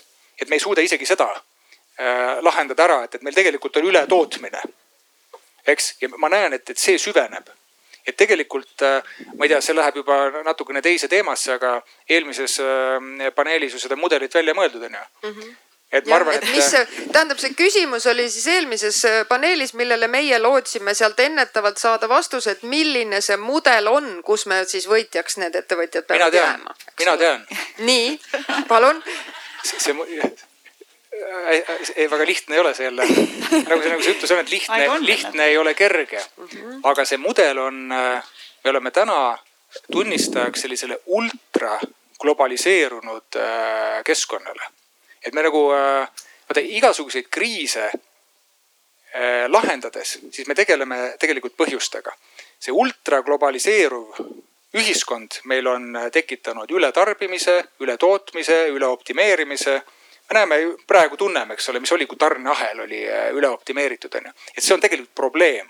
ma arvan, et see ei ole see, see uus mudel ma arvan, et see uus mudel, ma ei tea, kas eesti keeles on ka mingi sõna, et see on see localization. no loomulikult. mis on eesti keeles? no kohalikkus ongi uus, uus, ma arvan, kindlasti arvan... suund, kuhu me liigume. ja, ja, ja, ja mina arvan, et, et kui me nüüd võtame see, mida sina rääkisid mm, -hmm. et me peaks taastama äh, mullastikku, me peaks äh, istutama tagasi äh, neid metsasid, noh, meil siin kuidagi tundub nagu, me ei tunneta võib-olla, et vihmamets, et see on jälle kuskil ju noh seal Amazonas, et nad ise, ise istutavad, onju, et me, me ei saagi seda teha. aga kui sa need teed ja siis eh, sellise vastutustundliku põllumajanduse juurde lähed, et just selline, et koha peal tehtaks rohkem, mulle õudselt meeldib, Robert Kitt alati toob sellise, sellise näite, et äh, tomatitest, onju. et Intsu talutomat maksab viis eurot poes, onju. Versus Hollandi tomat, mis maksab mitu korda vähem, onju. et kuidas sa saad oma äh, tarbimisega suunata seda, et see tootja toodaks rohkem, ongi see, et, et sa kurat paned hambad risti ja ostad selle Insutalu tomatit. nagu meie, meie teeme onju. et, et selliseid näiteid on nagu palju, et see annaks äh, siis indu, eks ole, nendele, kes on sul lähemal mingisugune, te, sina kindlasti tead, et, et millal, mida on tervislik osta, et kui kaugelt sa peaksid selle mm, toitaine siis äh, nagu, nagu ostma, et siis oleks, oleks kuidagi tervislik no,. ma arvan, et vaata koroona tõi paljud trendid, mis tegelikult juba maailmas olid äh, alanud lihtsalt kiirendas neid, eks ole. kindlasti see üks nendest trendidest on rohkem äh, kohalikkust, rohkem paiksust, eks ole. Äh, seda nii, nii kodu kui oma lähiümbruse kontekstis, noh, ma olen erialalt olen arhitekt, meil on selline mõiste nagu viieteist minuti linn, eks ole. et noh, tihti on ka meil debatt igasugustes äh, seltskondades millegipärast inimestele tundub, et maal elada on väga keskkonnasõbralik. noh, siis ma püüan selgitada, et tegelikkuses ressursikasutuse koha pealt, eks ole, tihe elamine, linlik elamine, kus sa saad kõik oma käigud teha ära viieteist minutiga eelistatavalt jala või jalgrattaga, on tegelikult planeedile mõistlikum, eks ole, et noh, mitte et maal üldse ei peaks nüüd elama, aga, aga meil on, ma arvan, Eestis meil on väga palju unikaalseid võimalusi neid asju ära kasutada. ma olen täiesti nõus sinuga, aga, aga mõtleme niipidi, et, et noh, me oleme moodne ühiskond, nimetame vähemalt ennast onju. et kes meist oskab midagi ehitada ise, kes oskab äh, süüa või no mingit toitu kasvatada. mõni oskab teha võib-olla, süüa oskame kõik, onju. ma ütleks, et sellise... me oleme veel üsna hästi, Eestis me oleme veel suhteliselt. ja, ja äh, aga mina küll ei ole nii optimistlik, nagu sina ütled, et, et koroona nüüd seda kuidagi väga muutis. ma arvan, see on peale surutud Hullebeck ütles, et, et me jõuame välja täpselt samasse kohta, kus ennem, ainult halvemasse. kui me vaatame kui sa nüüd tõmbaksid neid, need piirangud maha, et siis kõik paneksid padavai täpselt sinna, kus oli, et, et seal ma arvan, et, et on just sellist noh, mingisugust suunamist ja häid või positiivseid selliseid referentse vaja. ma lihtsalt, mulle tuli meelde ka see, et, et noh, inimesed tahaksid ikkagi, ma arvan, et see, see kasv jah, seda hakatakse juba küsimuse alla panema tihtipeale küll aga elukvaliteedis inimesed järgi anda ei taha. millest see elukvaliteet koosneb, eks ole, noh, Skandinaavias on palju eh, neid riike, kus, kus leitakse, et see elukvaliteet on väga kõrge ja kindlasti seal see kohalikkus, näiteks jätkusuutlikkus on mõisted, mida väga palju hinnatakse, eks ole. Aga kohalikkus automaatselt ei tähenda jätkusuutlikkust, et see, ma arvan, maailma majandus muutub selle tänase nagu kriisi käigus vähem efektiivsemaks kuna äh, rohkem ja rohkem turge, riike, piirkondi, Euroopa Liit ka otsib võimalusi äh, geopoliitilisi riske maandada, nii et tuua mingisuguseid tootmisi siia, mis ei tähenda seda, et nad on automaatselt äh, ressursiefektiivsemad, et see on, seda filtrit tuleb ikkagi eraldi hoida, et äh, kuidas seda ei, äh, kodus teha. seda tomatit teid... kasvatada niimoodi, et see oleks aha, ressursi. ahah, meil on siin küsimused. lihtsalt huvitav oleks teada, kuidas ta, mille osas ta ei muuda efektiivsemaks, et kuidagi automaatselt tundub, et kui sul on tooraine lähemal, et sest, sealt tekiks efektiivsus. sest tootmisprotsessis, ma lihtsalt kujutan ette, ekspert ei ole, et see transpordi osa on väga väike osa kogu mingi asja, näiteks äh, T-särgi tegemise jalajäljest. kui me tahame hakata siin näiteks puuviljatööstust püsti panema ja T-särke tegema, selle asemel, et need Hiinas teha ja konteineriga siia tuua, see ei tähenda, et planeedi mõistes nagu paremini. mahuefekt on selle asja nimi, et sul on odavam teha massi siin oli, kuskil oli küsimus. ma tahtsin sihukese konkreetsema küsimuse küsida, et, et me räägime siin äh, nendest, kes tuleviku majandusmudelis siis ellu jäävad või õitsevad. ja mind huvitab just see e-agronoomi äh, teema või põllumajanduse teema, et, et olles põllumaa põllupidajatega natuke kokku puutunud ja seda valdkonda tundes, siis eh, noh, mis ma näen, on see, et okei okay,, ühelt poolt eh, mahepõllumajandus nagu justkui kasvab Eestis, aga teiselt poolt on need eh, põllumehed, kes proovivad selle mahe ära ja lähevad tagasi intensiivpõllumajanduse juurde, ütlevad, et ah, saagid on nii väiksed, me küll ei jama sellega. et kuidas see sellise uue lähenemise siis levitamine põllumeeste sees nagu läheb et, et kas nad on huvitatud, kas nad saavad aru sellest, et, et see noh, sest nemad peavad, neil on see lisatöö on ju. Mhm. -huh. et kas need, kuida-, mis need argumendid on ja, ja kas on, ma saan aru, see vaade on globaalne, aga kuidas siin mhm. -huh. Eestis põllumeestega läheb? Äh, jah, esiteks tähendab, minu põllumajanduslik kogemus on kaheksateist kuud.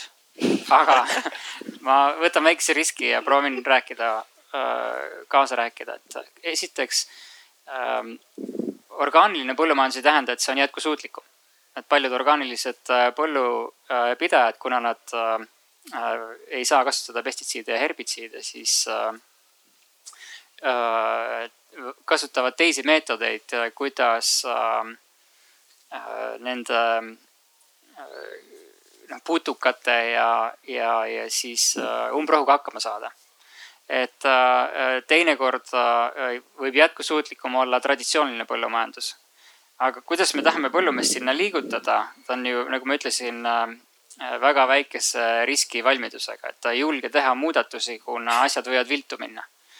on äh, väikeste sammudega ja see süsinikukrediit, äh, mis on nagu erasektori huvi aidata rohepööret teostada ja kliimamuutust aeglustada, on nagu sildfinantseering põllumehele jõuda nagu ühest süsteemist teise süsteemi, teises süsteemis tulevikus, kus ta kasutab vähem väetist ja vähem äh, keemilisi sisendeid ja sõidab traktoriga vähem kordi üle põllu, kasutab ka vähem diiselkütust.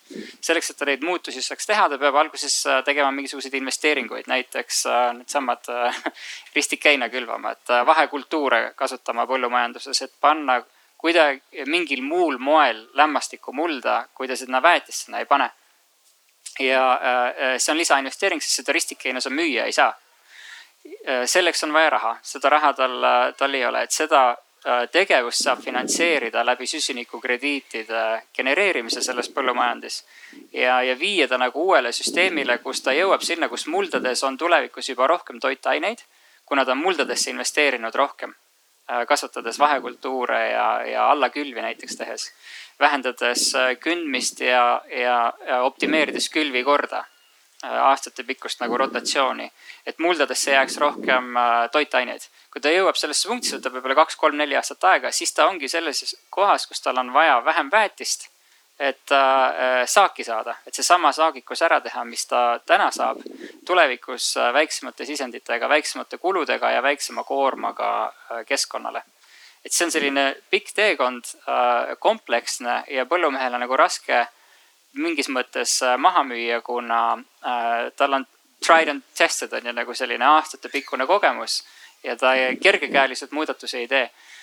ja see, siin see süsinikukrediit on suur võimalus nagu aidata nad sellest, äh, sellest esimesest sammust üle. et need muudatused ära teha ja kui sa juba jõuad sinna, siis need jätkusuutlikud praktikad on iseennast toetavad ja tõenäoliselt põllumees tagasi enam ei lähe nagu traditsioonilise põllumajanduse juurde. noh, lisaks on Euroopa Liit ju reguleerimas ümber Äh, põllumajandustoetusi järgmises tsüklis ja edaspidi liigub aina rohkem sinna suunas, et, äh, et motiveerida jätkusuutlikke praktikaid. Äh, ja, ja võib-olla ka äh, nihutada neid äh, penalteid või kuidas sa ütled? trahv. trahve, on ju, et millised praktikad ei ole lubatud no kindlasti toidu tootmine kui selline, ma arvan üldse noh, kui me võtame siin, Kaarel juhtis tähelepanu, eks ole, kogu see nii-öelda kasvav, kasvav rahvastik ja, ja kui vaadata ka ju, kuhu osad suuremad investorid liiguvad, siis kindlasti on see ka nii-öelda see nii-öelda kunstliha, eks ole mm. -hmm. et kindlasti neid alternatiivseid viise, et kindlasti on ka see üks nii-öelda tuleviku, tuleviku valdkond, et, et noh, et, et just nimelt, et võib-olla see ainult see mahe versus tavaline ei ole nagu kogu see diskussioon, eks ole, mille ja taime ja taimepõhine liha. jah, just taimepõhine liha mm -hmm. täpselt ja ka, ka, ka kunstliha, mida nii-öelda rakust mm, -hmm. eks ole, siis kasvatatakse, jah. nüüd liikus see diskussioon veidike juba liha poole ära, aga ma tahtsin siduda ära äh, kaks erinevat debatti nüüd, et äh, Intsutalu tomatid ja jätkusuutlikkus, et seal keskväljakul toimus kell kaksteist ähm, enne äh, toidu raiskamise teemaline debatt ja meil olid, tomatid olid fookuses, sest meil oli kaasas äh, praktiliselt mitusada kilo ähm, hulgilaost päästetud tomateid. Et see, see, ma lihtsalt tahtsin nagu repliigi korras äh, tuua sisse, et nagu millised probleemid võivad veel kaasneda sellega, kui, kui Eesti inimene otsustab peale koroonat kasvatada ise tomatit või osta Insutalu tomateid ja, ja nimelt äh, kaasneb sellega selline nähtus, et hulgiladudes jääb nagu tonnide viisi tomatit üle, imporditud tomatit, eks ole. ja, ja sellel ei ole ka hetkel nagu mingisugust tarka lahendust. ega me ei jõudnud ka mingi nagu selge tulemini, et see rändab äh, praegu koos selle plastikpakendiga reaalselt prügimäele et äh, see on ühelt poolt on see toidudesse raisatud ressurss, eks ole, ja teisalt see ka, et, et, et seal pangutatakse pea või noh, ühesõnaga laiutatakse käsi, et ei ole ka ressurssi teiselt poolt, et seda isegi pakendist välja võtta enne prügimäele saatmist et äh, kuidas me nagu läheneme sellisele hulgilaole, kes on tegelikult nagu selle enda majandusmudelisse sisse kirjutanud mm -hmm. selle kulu et tal ei ole probleem kaks rekatäit äh, äh toitu ühes väikses Tartu linnas äh, iganädalaselt äh, saata prügimäele mm. -hmm. et kuidas üleüldse saada selline ettevõte nagu äh, koostööle? pikkamööda mulle tundub, et ma loodan, et see on ajutine probleem nagu uue tasapa, tasakaalupunktini jõudmiseks. Ülemineku... et äh, meil inimesed hakkavad rohkem kohapeal kasvatama, siis äh, hulgifirmad reguleerivad oma seda tarneid siis seda sealt äh, Hollandist saabub edaspidi võib-olla järgmisel aastal juba vähem. ja lootus on selles, et inimesed ei loobu kodus kasvatamisest, siis entusiasm läheb üle, on ju, mugavam on ikkagi poest. ja, ja lähevad tagasi seda hulgifirma toodet otsima, mida enam poes ei ole. ja siis hakkab uuesti nagu selle tarneahela nagu ülesehitamine. aga ma arvan, et, ma arvan, et teda on poes, aga teda on lihtsalt vähem. et äh, hea lugu oli äh, hiljuti Rain Lõhmusega, et ütles, et, et et kas talle tundub, et nagu poodides müüakse väga palju crap'i. ta pidas silmas noh, niisugust ebakvaliteetset on ju, aga seda võib tegelikult ka, ka toidule teisendada, et, et see, et me oleme harjunud täna, et meil on poode nii palju, et need poed on nii suured, et nendes poodides müüakse neid asju, ei tähenda seda, et, et see peaks niimoodi olema. et vabalt võib olla neid poode ka mõnevõrra vähem ja need riiulid tegelikult täna noh, minu üks õnneks on... juba läks pankrotti üks suur uus minu, minu kodupoes on hoopis teistmoodi täna see pilt ja ta on aastaid, ta ei ole niimoodi, et äh, noh, nüüd on kõik teisiti, aga seal on mingisugused vegan riiulid tekkinud. Äh, et see, see pilt muutub, aga see ei muutu üleöö. ja ta muutubki just selle arvelt, et jälle klassikaline nõudluspakkumine. et kuskilt hakkab ta pihta, keegi on eesrindlikum ja võib-olla ka julgem ja teeb selle sammu ära. eks ja võtab sinna äh, Äh, noh, ma ei tea, mingisuguseid äh, kogu, kogukonna kaupu, kuigi sellega on võib-olla tülinat rohkem. just nagu sa ütlesid, et see on nagu üle, üleminek peab, peab toimuma. me ei saa ju seda niimoodi ka teha, et, et kõigepealt paneme kõik äh, tootma ja siis poed ootavad nii kaua ja siis ühel hetkel ütlevad oma need lepingud üles või, või muudavad neid, et. et sellepärast ma ütlesin, et, et on pikkamööda, et kõik sellised äh, mis jube, jube lihtsana tunduvad, äh, on tegelikult jube keerulised. tegelikult lähevad asjad ikkagi väga ruttu minu meelest üha, üha rutem on need tsüklid, need ja, muutuste tsüklid. ma arvan, mida meil oleks vaja, kui sa poeleti ees seisad, sa näed, mis on selle toote süsiniku jalajälg kas no need, need mõõdikud ilmselt on üks teema ka, mis ja. läheb nagu üha suuremaks, eks ole, et noh, nagu selliseid nagu Urmo, kes tahaks ikkagi nagu päriselt teadlikke otsuseid teha või, või no mina tahaks ka mõista, eks ole, et mm. mida see tegelikult tähendab, eks ole, et mm -hmm. aga meil on jätkuküsimus. ma olen veidike kahtlev, kas see saab olla ühesuunaline trend, et no ühel aastal on tomateid, teisel ei ole kuu aega põuda, siis tomatit ei ole, nagu Eesti tomatikasvatajad tegelikult see aasta on öelnud. ehk et äh, mina näen, et äh, probleemiks võib osutuda see, et poed on äh, näinud ette trahvid oma tarnijatele, kui nad ei suuda tarnida, et, et see on võib-olla üks asi, mida võiks nad nagu nügida, et, äh, et need trahvid ära, et, et äh, jõuda kokkuleppele, et neid trahve ei oleks. et kui ei ole seda ühte sorti tomatit letil, et see on fine No, et ma..., et jah, just. minu meelest see diskussioon võib-olla toob meid ikkagi siia, et see trend, kuhu poole me liigume, on see, et kliimamuutustele vastupidavus, riskid ka põllumajanduses, eks ole see nii-öelda tarnekindlus, noh, see peab nendes mõõdikutes ja riskianalüüsides nüüd juba kindlasti sees olema.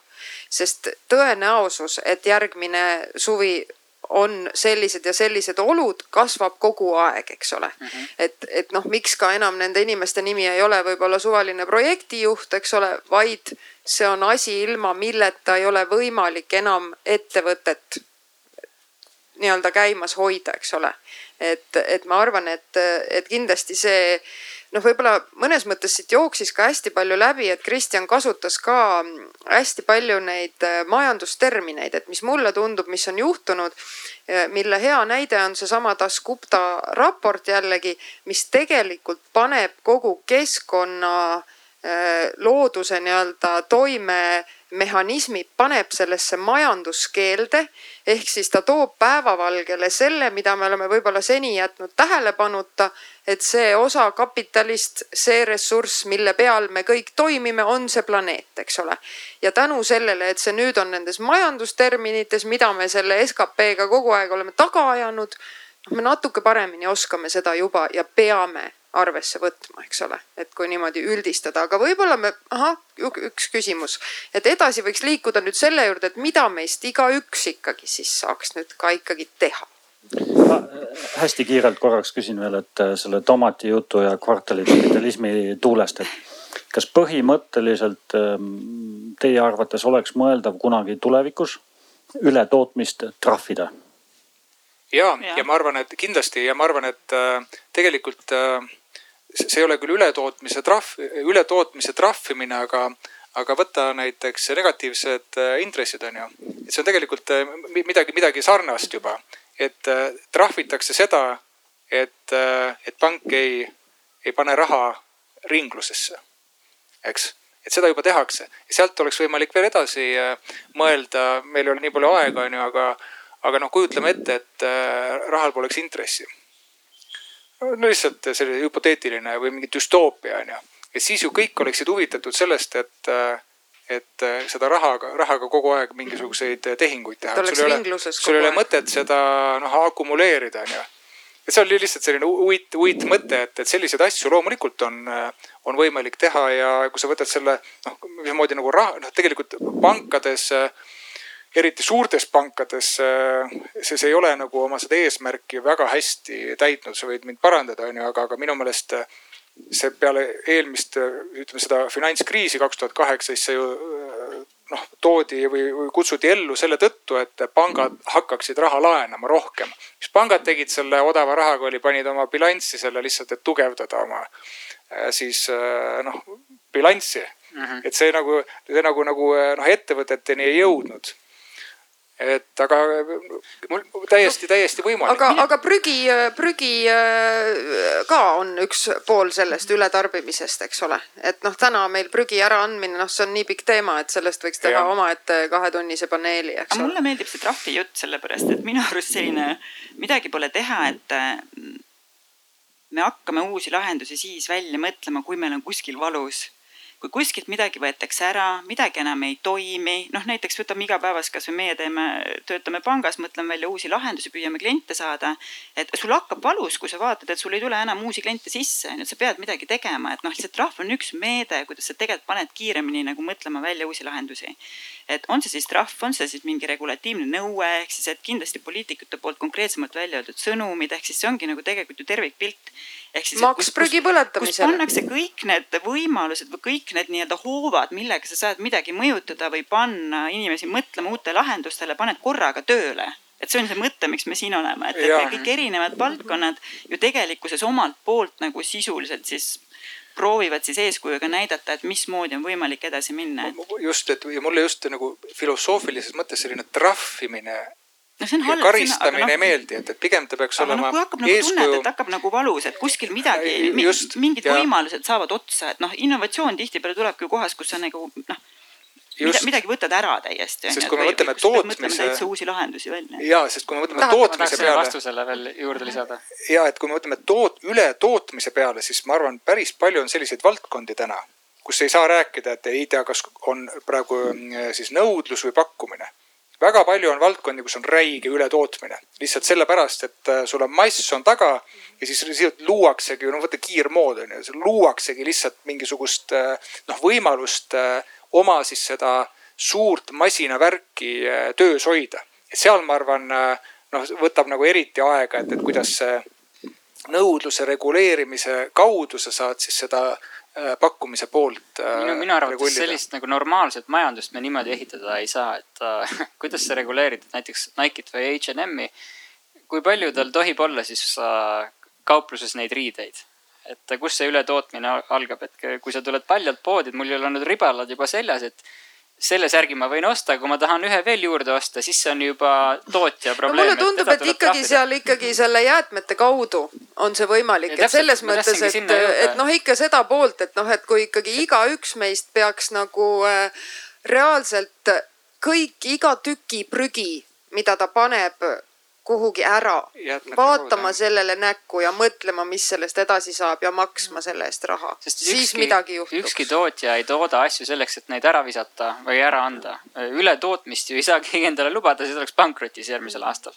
aga noh, ma, ma, arvan... ma olen nõus sellega, et aga noh, siis teistpidi ongi, et minu arust ka ega neid ettevõtteid ei saa ainult ju kiusata, et nende trahvidega, et nad peaksid justkui kogu vastutuse võtma selle terve selle elutsükli mhm. eest. et miks me siis ei tekita võimalusi, et mis me siis teeme nende jäätmetega, kui need tekivad, et mis see, et me, et ei viskaks see kaubanduskeskus seda toitu ära, et, et kas meil on tegelikult mingeid lahendusi, et me suudame seda äh, ülejäänud äh, toitu kuhugi suunata, et ega, ega väga palju ka neid lahendusi ei ole. seal inimene tahab küsida, aga tema enne kui sa küsid, siis sina ju ütlesid, et, et ettevõttel on odavam ära visata need Sealt äh, autotäied, et ma arvan, et see ongi see. diskussioon praegu lingib tõesti väga hästi selle toidu raiskamise teemaga. meil oli laval maaeluminister, kes selle trahvi teema kohta ütles, et ei, et seda teed nad kindlasti ei lähe, et nemad äh, just oma neid põllumehi katsuvad nagu koostööle aidata, ehk et kõik, mis nagu üle jääb, nad äh, siis äh, koostöövõrgustike abil siis katsuvad mm -hmm. nagu ära, ära realiseerida, et see on selline. aga see oleks ju normaalne no, see... toote elutsükkel. aga, aga nagu siis meil olema. oli ka laval keskkonnaministeeriumi asekantsler, meil läks ka jutt sinna prügile, et prügi on liiga odav, et meil on nagu, on, on kindlasti tootjaid, kes, keda on vaja ainult natuke nügida ja, ja kaupmehi, keda on vaja ainult natuke nügida, et nad teeksid selle sammu ära ja oleksid sotsiaalselt vastutustundlikud, eks ole, ja siis meil jäävad nagu alati mingid tootjad, kelle, kelle jaoks on nagu ainult see majanduslik loogika jääb mm. -hmm. et, et nende puhul seal nagu natuke tekkis laval äh, tunne, et, et keskkonnaministeerium nagu võiks olla nagu julgem, innovatiivsem, ambitsioonikam. sest et äh, kõlama jäi asekantsleri poolt see, et, äh, et aga nõudlust ei ole kõrgema prügihinna järgi no,. keegi ei tule kaasa. nagu palun kommenteerige. ei no see on, ma pean nüüd korraks astuma teise sinna, vot panen teised kingad jalga, et et äh, selles mõttes ma arvan, esiteks pikas perspektiivis ka prügi äh, on üha enam muutumas ikkagi ressursiks äh, see on täpselt seesama asi, mida me siit planeedilt välja võtame, mis on väga väärtuslik, eks ole. et, et lihtsalt kuidas jõuda selleni, et ta ei oleks ressurss mitte selleks, et ta lihtsalt põlema panna, eks ole vaid teha, muuta ta ressursiks võimalikult pikaks ajaks, et noh, ikkagi kogu see ringmajanduse teema tuleb sisse ja, ja noh, seda, et alati võiks olla rohkem innovatiivsust ja julgust, sellega ma võin absoluutselt nõus olla, aga, aga ma arvan, et, et see on seesama küsimus nendest trahvidest, see, see tegelikult läheb ikkagi sinna ringmajanduse ja prügi ja, ja ikkagi just nimelt põletamise maksustamine, noh, kõik, kõik need, kõik need elemendid seal. ma ei mäleta, kus ma lugesin, et äh et aga üllatavalt vähe pidi kasutatama nende telefonide detaile noh mm -hmm. uuesti või? uuesti jah, et väga palju jälle kuhjatakse kuskile hunnikusse, et seda on kallis teha. võib-olla seda on veel kallis teha, aga just see neotüüm, mis mulle jäi meelde, et seda on väga kallis ümber töödelda. mina just tean, et Eestis on, see on üks väheseid valdkondi, millega on hästi et tegelikult korjatakse kokku äh, korjatakse ülihästi kokku, aga, aga, aga... ja müüakse edasi. ja, ja, ja, et see on nagu üks mm. nendest nii-öelda valdkondadest, kus on noh, enam-vähem, aga meil on vist aeg viimaseks küsimuseks, mulle tundub äkki on seal. sobib, aga, aga siin ma küsisin eelnevalt diskussiooni ajal selle vee kohta, et kas see ei ole nagu osa ikkagi rohepesust, et okei okay,, see on esi, Eesti esimene taaskasutatud plastist pudel siis väidetavalt. aga et noh, samamoodi, et, et see on nagu korra taaskasutatud, aga nagu kust me teame, mis tast edasi saab, et enne, enne kuidagi oli rõhuasetus sellele, et nagu sellest saab midagi uut nagu veel teha. uue pudeli, ma arvan, saab teha äh,. see on pandipakend. kas tehakse ehk? jaa, äh, neid aha. saab eraldi kokku korjata, et selles mõttes kokku on hea. kokku korjata ja sa mõtled nagu uuesti äh,, uuesti kasutada sellisena, nagu ta on või ei, see läheb kuhugi ikkagi laevaga Põhjamerest Hiina ja siis me tegelikult ei tea, mis temast saab. no ta on pant, nii nagu korjatakse kokku mm -hmm. taarat pandina, jah. no pandipakendiga on, on meil ka ikkagi selles mõttes ju suhteliselt hästi, aga, aga ma olen nõus, et seal vahel on, seal on see risk, eks ole, et noh, kui meil oleksid siin needsamad pandipakendi topsid ja suur, eks ole, veenõu noh, see on jällegi mõtteviisi muutus, eks ole, et juba see, et meil siin on need pandipakendi topsid täna, on minu meelest väga suur asi ja, ja tunnustus Arvamusfestivalile, et ma ei pea tulema ja jälle viskama seda eh, topsi siin ära, et noh, need miljonid topsid, eks ole, mis, mis on, et, et võib-olla sealt me jõuamegi, et noh, mida, mis on, mis on need asjad, mis võib-olla noh, mind näiteks piinab ikkagi see prügiteema, ma tunnistan, eks ole, noh, ma saan õnneks oma töös sellega tegeleda igapäevaselt, samuti äh, kiirmood, lapsed, eks ole, kuidas nendega neid asju kõiki arutleda, eks ole. aga võib-olla lõpetuseks, et teeme ühe ringi, et oma sellises nii-öelda äh, mitte võib-olla isegi niivõrd e-, ettevõtja elus, vaid oma nii-öelda lihtsalt äh, igapäevases elus, mis on need asjad, mis äh, teie südame nagu panevad võib-olla mõnes mõttes valutama ja mida te mhm. siis sellest tulenevalt ka parandate? et natuke inspireerida võib-olla või natukene jagada, et ega me oleme selles jamas kõik koos siin mul just selle teema jätkuks seal võib-olla kaks mõtet, et me peaksime peaksime üritama muuta ja, ja äh, muuta mõtte, mõttelaadi juba võib-olla väiksest peale lastel, koolist alates, mida tähendab tarbimine ja mis sellega kõik kaasa tuleb. absoluutselt ei mõelnud selle peale, kui mina üles kasvasin. ei tulnud isegi, noh, ei osanud äh, mõelda. ja äh, et ühest, ühest küljest siis muuta tarbimiseelistusi, et noh, näiteks lähed poodi, sa ei oota, et see kõik puu- ja juurviljad on äh, kakskümmend neli seitse iga kuu kättesaadavad et sa tead, et vot kui ma täna seda äh, arbuusi ostan või avokaadot või tomatit, siis see ei ole loomulik, et see ei tulnud siit. See ei saanud Eestis kasvada, meil ei ole selline aastaaeg. sellel on mingi tohutu jalajälg, kuskohast see on siia jõudnud. et see teadlikkust nagu äh, tõsta ühiskonnas ja teisest küljest äh, maksustada äh, jalajälge, seda süsiniku jalajälge nagu lähed, noh väike asi nagu võtad äh, salati letis selle karbi, üks, kaks või kolm on ju suur, väike või, või keskmine karp. mõtteriistade tagahetkel, eks. jah, ja sa ei mõtlegi selle peale, et miks ei võiks poed motiveerida mind tulema oma karbiga siia poodi. -hmm mitte, et kui palju see plastik maksab. kohe tuleb, kahe aasta, kahe aasta pärast tuleb see seadus. vaid, äh, vaid see jah, et see hind võiks olla üks euro, kui sa tahad selle pakendiga või siis tuled oma nagu äh, leivakotiga või, või plastmassnõuga ja korduvkasutad, nagu me vanasti olime, nagu käisime poes, eks. et seda äh, suunata nii, niiviisi, see on ikkagi valikute küsimus, ma ei jää nälga, et ma tulen selle oma karbiga siis poodi, kui on vaja aga ma ei viitsi tulla, kui see maksab äh, viis senti ja ma seisan seal ja mõtlen, okei okay,, ma võtan jälle veel ühe plastikkarbi, okei okay,, ta läheb sellesse kollasesse kotti ja loodetavasti ei lähe põletusjaama, isegi kui läheb põletusjaama, ka parem, sest et see on puhas prügi, millel on kõrgem äh, põletusväärtus. aga, aga parem on, kui see karp jääbki sinna leti peale, on ju. just. ma olen sada protsenti nõus sellega, mis sa ütlesid, et eeskuju äh, näidata lastele, õpetada. ja teine mida ma üritan teha ise, et osta mitte nii palju asju, et ma peaks need aeg-ajalt või no liiga tihti ära viskama. et seda ma üritan teha ja kolmas on äh, selline, kui me mõtleme noh, kohaliku maksusüsteemi peale. sa ütlesid ka, et äh, maksustada süsinikku.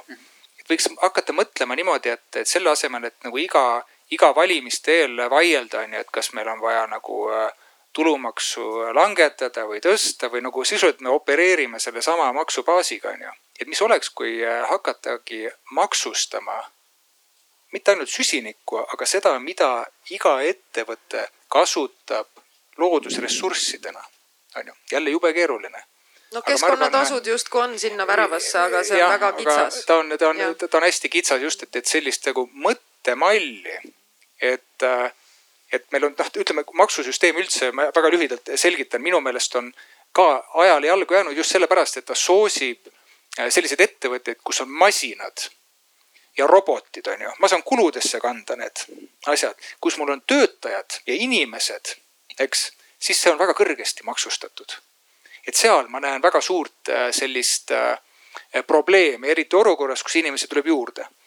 Ja, ja siis sinna juurde peaks kombineerima. meil siin ei tule väga praegu veel. Aga see, jah, see ei ole kuidagi meie, see ei ole kuidagi, ma arvan, meie, meie spetsiifiline, et see loogika on ju sama et, et tööinimene on maksustatud, me tegelikult tahaks roboteid, on ju, sellepärast et see on soodsam. ja siis me mõtleme, et, et äkki peaks mingi kodanikupalka mõtlema. et seal ma arvan, et on ruumi, ruumi mõtisklusteks ja noh, minu arust lapsed on alati selline teema, mille peale kõik mõtlevad ja, ja mõtled selle peale, et kas neil ka tulevikus on hea, hea siin elada ja olla. ja, ja mulle tundub ka, et, et tänapäeva lastele tegelikult ikkagi peab päris palju rääkima sellest, et noh, noh, asjad ei tule poe riiuli pealt, et, et see, kust nad päriselt pärinevad ja ja, ja kuidas, kuidas nad tekivad ja, ja kuhu nad lõpuks jõuavad. Et aga mida ma ise igapäevaselt teen, on see, et, et mulle ikkagi väga meeldib ka seda insutalu tomatit osta, et midagi pole teha, et. et ta lõhnab hästi ja maitseb paremini ja, ja noh, nii on, et, et ma arvan, see enda tarbimises ka, et eelistada ikkagi seda kodumaist, mis siit on pärit ja ja maitseb päris toidu moodi. aga mis mu ikkagi südant paneb valutama, on mulle endiselt see, et minule hästi meeldivad muutused või mulle meeldivad probleemid, sest siis saab neid lahendada. ja mulle natuke tundub, et nagu vahel me takerdume noh, proovime kogu aeg leida nagu muutustes mingit halba asja, sellepärast et see muudab meie mingisuguseid harjumusi, see on ju nii valus, keegi tahab öelda mulle, et tee teistmoodi, et. et tegelikult ju muutuste juhtimine ja kõik äh, uute lahenduste loomine, see uus lahendus on lõppkokkuvõttes alati, kui vaadata ajaloos tagasi, alati on uued asjad oluliselt paremad et, et, et, et, et. enamus et, inimesi vist nii ei arva, aga. aga, aga ma, ma ei tea, mulle tundub, et minule ikkagi tundub, et on niimoodi, ma ise arvan ja noh, et ütleme, et keegi noh lõppkokkuvõttes ongi see, et, et, et, et lihtsalt selleks, et hakata neid lahendusi otsima, on vaja neid nagu ebameeldivaid otsuseid teha, et, et midagi pole teha, et trahv on halb sõna ja, ja võib-olla kõik need, aga, aga, aga julgemad otsused, julgemad suuna võtmised ja, ja tegelikkuses võib-olla tulevad mingid kihvtid lahendused välja, mida, mida me muidu jäämegi ootama, et sest eh, siin on vaja ju tegelikult kiiret tõuget, et see ei ole see, et me siin mõtleme mitu aastat järjest ja peame plaani ja siis veel analüüsime, siis veel analüüsime, jääme kinni sinna, mida meil ei ole.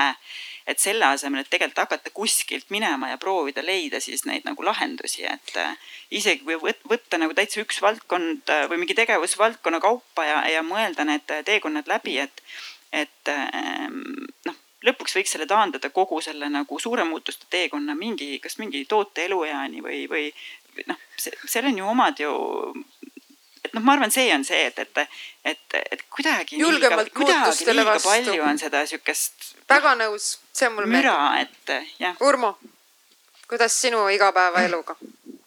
Äh, väga palju vastamata küsimusi ja, ja soovin vastuseid, aga teistpidi ma ei, ma ei hakka äh, võib-olla seal äh, müttama. mis on selline nagu mõte, on see, et julgeks öelda, et see Rohetiiger on hästi kihvt algatus teistpidi ähm, äh, mulle meeldis Kaarli sihuke intrigeeriv küsimus, et sõnastage ära niimoodi, et oleks lihtne aru saada, kolm lauset. mis see rohepöörde, pöörde mõte on, et kui keegi, keegi me, siis kõik nagu ühiskonnana suudaksime selle ära mõtestada, siis ma arvan, et meil on nagu väga suur võimalus. ja Eestil on jällegi võimalus, on ju, et äh, et äh, me Rally Estoniaga oleme näinud, et mingil hetkel väike on väga hea ja ma arvan, et selles rohepöördes väike on ka ülihea, et see on nagu mega võimalus teha innovatsiooni.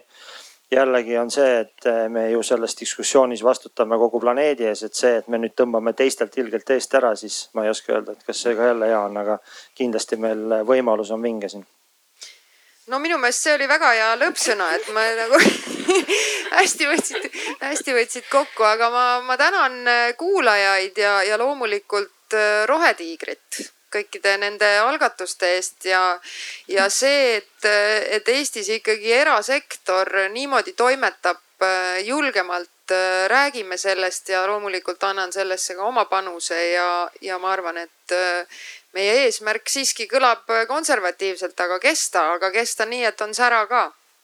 olgu see siis näiteks nii. Aitäh. tänud, tänud.